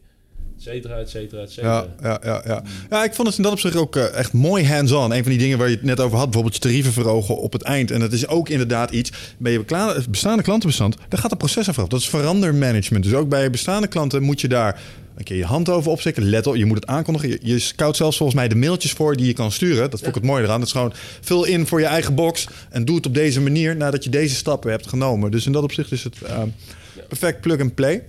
Ehm, Volgens mij hebben we twee varianten. Hè? We hebben de online variant waarbij mensen dit gewoon eh, in de vorm van eh video masterclasses door jou uitgelegd krijgen, stap voor stap. Ehm, dat kun je volgens mij los afnemen. Maar we hebben ook nog de variant, en dat is een leuke variant, want wij zijn ook, altijd, wij zijn ook bezig met jaarprogramma's. Je gaat ook je eigen jaarprogramma doen. Specifiek voor personal trainers en CrossFit box eigenaren, correct? Ja. Ja, dus dan gaan we in die, dan, dan komen er ook intervisies en masterminds naast het programma. Ja, en dat, dat vind ik eigenlijk, eh, of in ieder geval de leukste en de belangrijkste. Omdat ik, ik ben ook naar heel veel van die seminars geweest. En recent nog eh, Affiliate Solution. En het zijn allemaal hele goede dingen. Maar dat is, een, dat is vaak weer een beetje ver van mijn bedshow. En eh, laatst kwam het ook weer... eh, Laus, dat, weet je, mensen gaan naar Tony Robbins, ze gaan naar Michael Pilatschik en ze gaan naar die seminar, ze gaan naar die seminar. En als ze daar zitten, zeggen ze, vet, dat ga ik doen, morgen ga ik het doen. Weet je wel, dat soort dingen. Zo en dan komen ze thuis en dan komen ze weer in de weerbarstigheid van de, van de partij. En het is een maandag en dan zijn we kut e-mails, kut telefoontjes, kut collega's, dit zo zo. En, en eh, in de box is het, je loopt je box binnen en eh, er is iets lek of eh, er is iets kapot of er moet je vervangen worden of wat dan ook. Weet je wel? En je, komt, je vervalt zo snel weer terug in de sleur van het dagelijks leven met allemaal kutklusjes die je eigenlijk niet wilt doen, zolang als je geen focus hebt. Ja. En dat wil ik met die mastermind juist uitbouwen. Is dat mensen dus elke zes weken een, een meeting point hebben. Van luister, in die zes weken, hier zeg ik dit, daar wil ik aan werken. Prrrt, zes weken, oké, hier heb ik aan gewerkt. Nu, dit is afgerond of niet afgerond. Oké, andere taken, bababab. Zes weken aan werken. Ja. bababab. En zo een jaar lang met z'n allen gewoon, weet je borging voor het voortgangsproces. Wel, want ook... En, en dan, zo probeer ik zeg maar eh, te borgen dat mensen niet, weet je, wel, heel leuk naar een praatje komen, luisteren. Oh ja, fuck vet, super vette informatie. En er helemaal niks mee doen. Nee, Ja, ik heb, eh, in mei heb ik bij Beelden bij de Box gepraat. En er zaten 60 of 70 man zat daar. Allemaal heel gefascineerd. En weet je wel, denk van, oh ja, interessant, interessant, interessant. En ik vraag me af, ik heb aan 20 mensen of zo, zeg maar, het, het, het, het giveaway gedaan, het financieel dashboard. En ik vraag me werk af hoeveel mensen daar nou echt mee aan de slag zijn geweest. Want dan mail je ze naar van, hé, hey, alles goed en dit zo, zo. Heb je er niks mee kunnen doen? Toen waren de 2-3%. verdwenen. Ja, is niet gelukt. Ja, snap ik. Ja, heel herkenbaar. Wij zien dat ook in onze eigen eh, zeg maar, jaarprogramma's. Wij wij zitten dan in een ander segment dan ondernemers. Je merkt Ja. dat je krijgt een beetje de type ondernemers die je zelf ook bent op je af. Dus het zal heel logisch zijn dat personal trainers en crossfit eigenaren naar je trekken. Eh, de, de, de ondernemers die een beetje zeg maar, het begin voorbij zijn en nu aan het eh, echt gaan ondernemen, die komen nu een beetje op ons af. En je ziet ze met dezelfde dingen worstelen. Die consistentie in de uitvoer van hun effort richting een doel. Dat is zo moeilijk voor ondernemers, omdat er altijd een, next new thing is. Er zijn altijd dingen die urgent zijn. Uh, altijd dingen die je aandacht wegvragen. Zoals je net zei. Vroeg me trouwens af, wat is een lek in een CrossFit gym? Die grote tractorbanden die je flipt zijn volgens mij niet opgeblazen, toch? Nou, gewoon een uh, dek in lak, uh, of uh, lek in het dak. Of Oh, zoiets. Ja, ja, ja, ja, de wc spoelt over. Banden van je fiets, van die Bosu-ballen of zo. Nee, nee, nee. Bosu-ballen. Ja. Daar, daar doe je toch je squats crowd. op met uh, Ja, CrossFit? ja, ja, ja. Als, je echt een als je vraagt, oké, hoe beoordeel ik een goede personal trainer als iemand die op een bozu-bal squats laat maken? Ja, ja, dat, Gelijk tekenen voor een jaar. Ja, dat was dus een heel ding. Ik heb een tijdje in een WhatsApp-groepje gezeten, gezeten met ook allemaal van die overload-puristen. En dan was het de grap om de meest foute, zeg maar heel hip en eh, ingewikkeld ogende oefening, zeg maar, naar elkaar te mailen waarvan we ons afvroegen. Maar wat doet dit nou eigenlijk? Ja, ja dus dat is zo'n ding. Pistol squats op een kettlebell. Ja, dus als jij momenteel van je personal trainer op een uh, moet squatten, moet je afvragen of je bij de juiste personal trainer zit. Dat is volgens Run, mij wel. run. Ja, go! je knieschijven zullen je dankbaar zijn. Alright.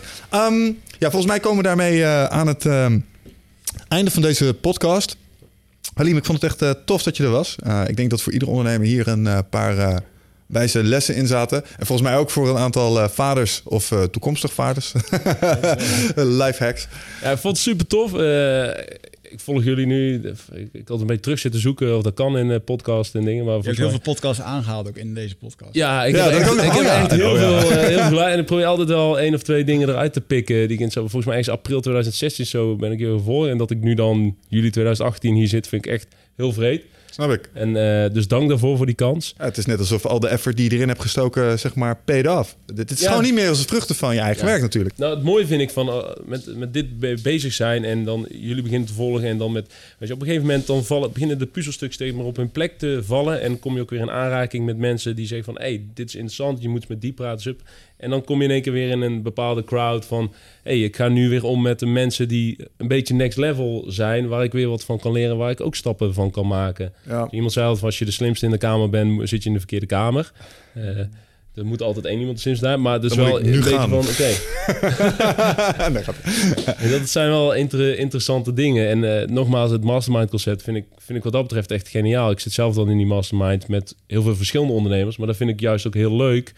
Zodat ik ook kan, weet je wel, daar lijnen in kan trekken van oké, hoe gaan, welke struggles hebben die dan? Nou, En, en het is ja, het is vaak dezelfde basis. het doorslaggevende concept daarin. En ook als ik naar jou kijk, denk ik dat dat het ook echt, eh, echt is. Ik heb jou in die mastermind zien komen, nu inderdaad eh, twee, drie jaar geleden of zo. Maar sindsdien is het een non-stop consistente uitgave van Everton Energie geweest. Tuurlijk heb je wel pieken en dalen erin, maar je bent er in die tijd gewoon structureel mee bezig geweest. Het heeft focus en aandacht gehad. En dat is omdat je door de les bent gehouden bij dat structureel bij elkaar komen. Ik zie dat keer op keer.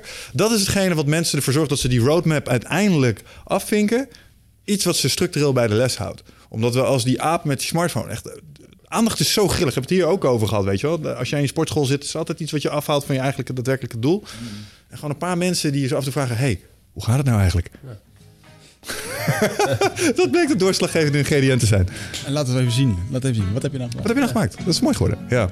Alright. Halim, top dat je er was. Dankjewel dat je wilde komen. Luisteraars, tot de volgende keer. Oes. Ciao.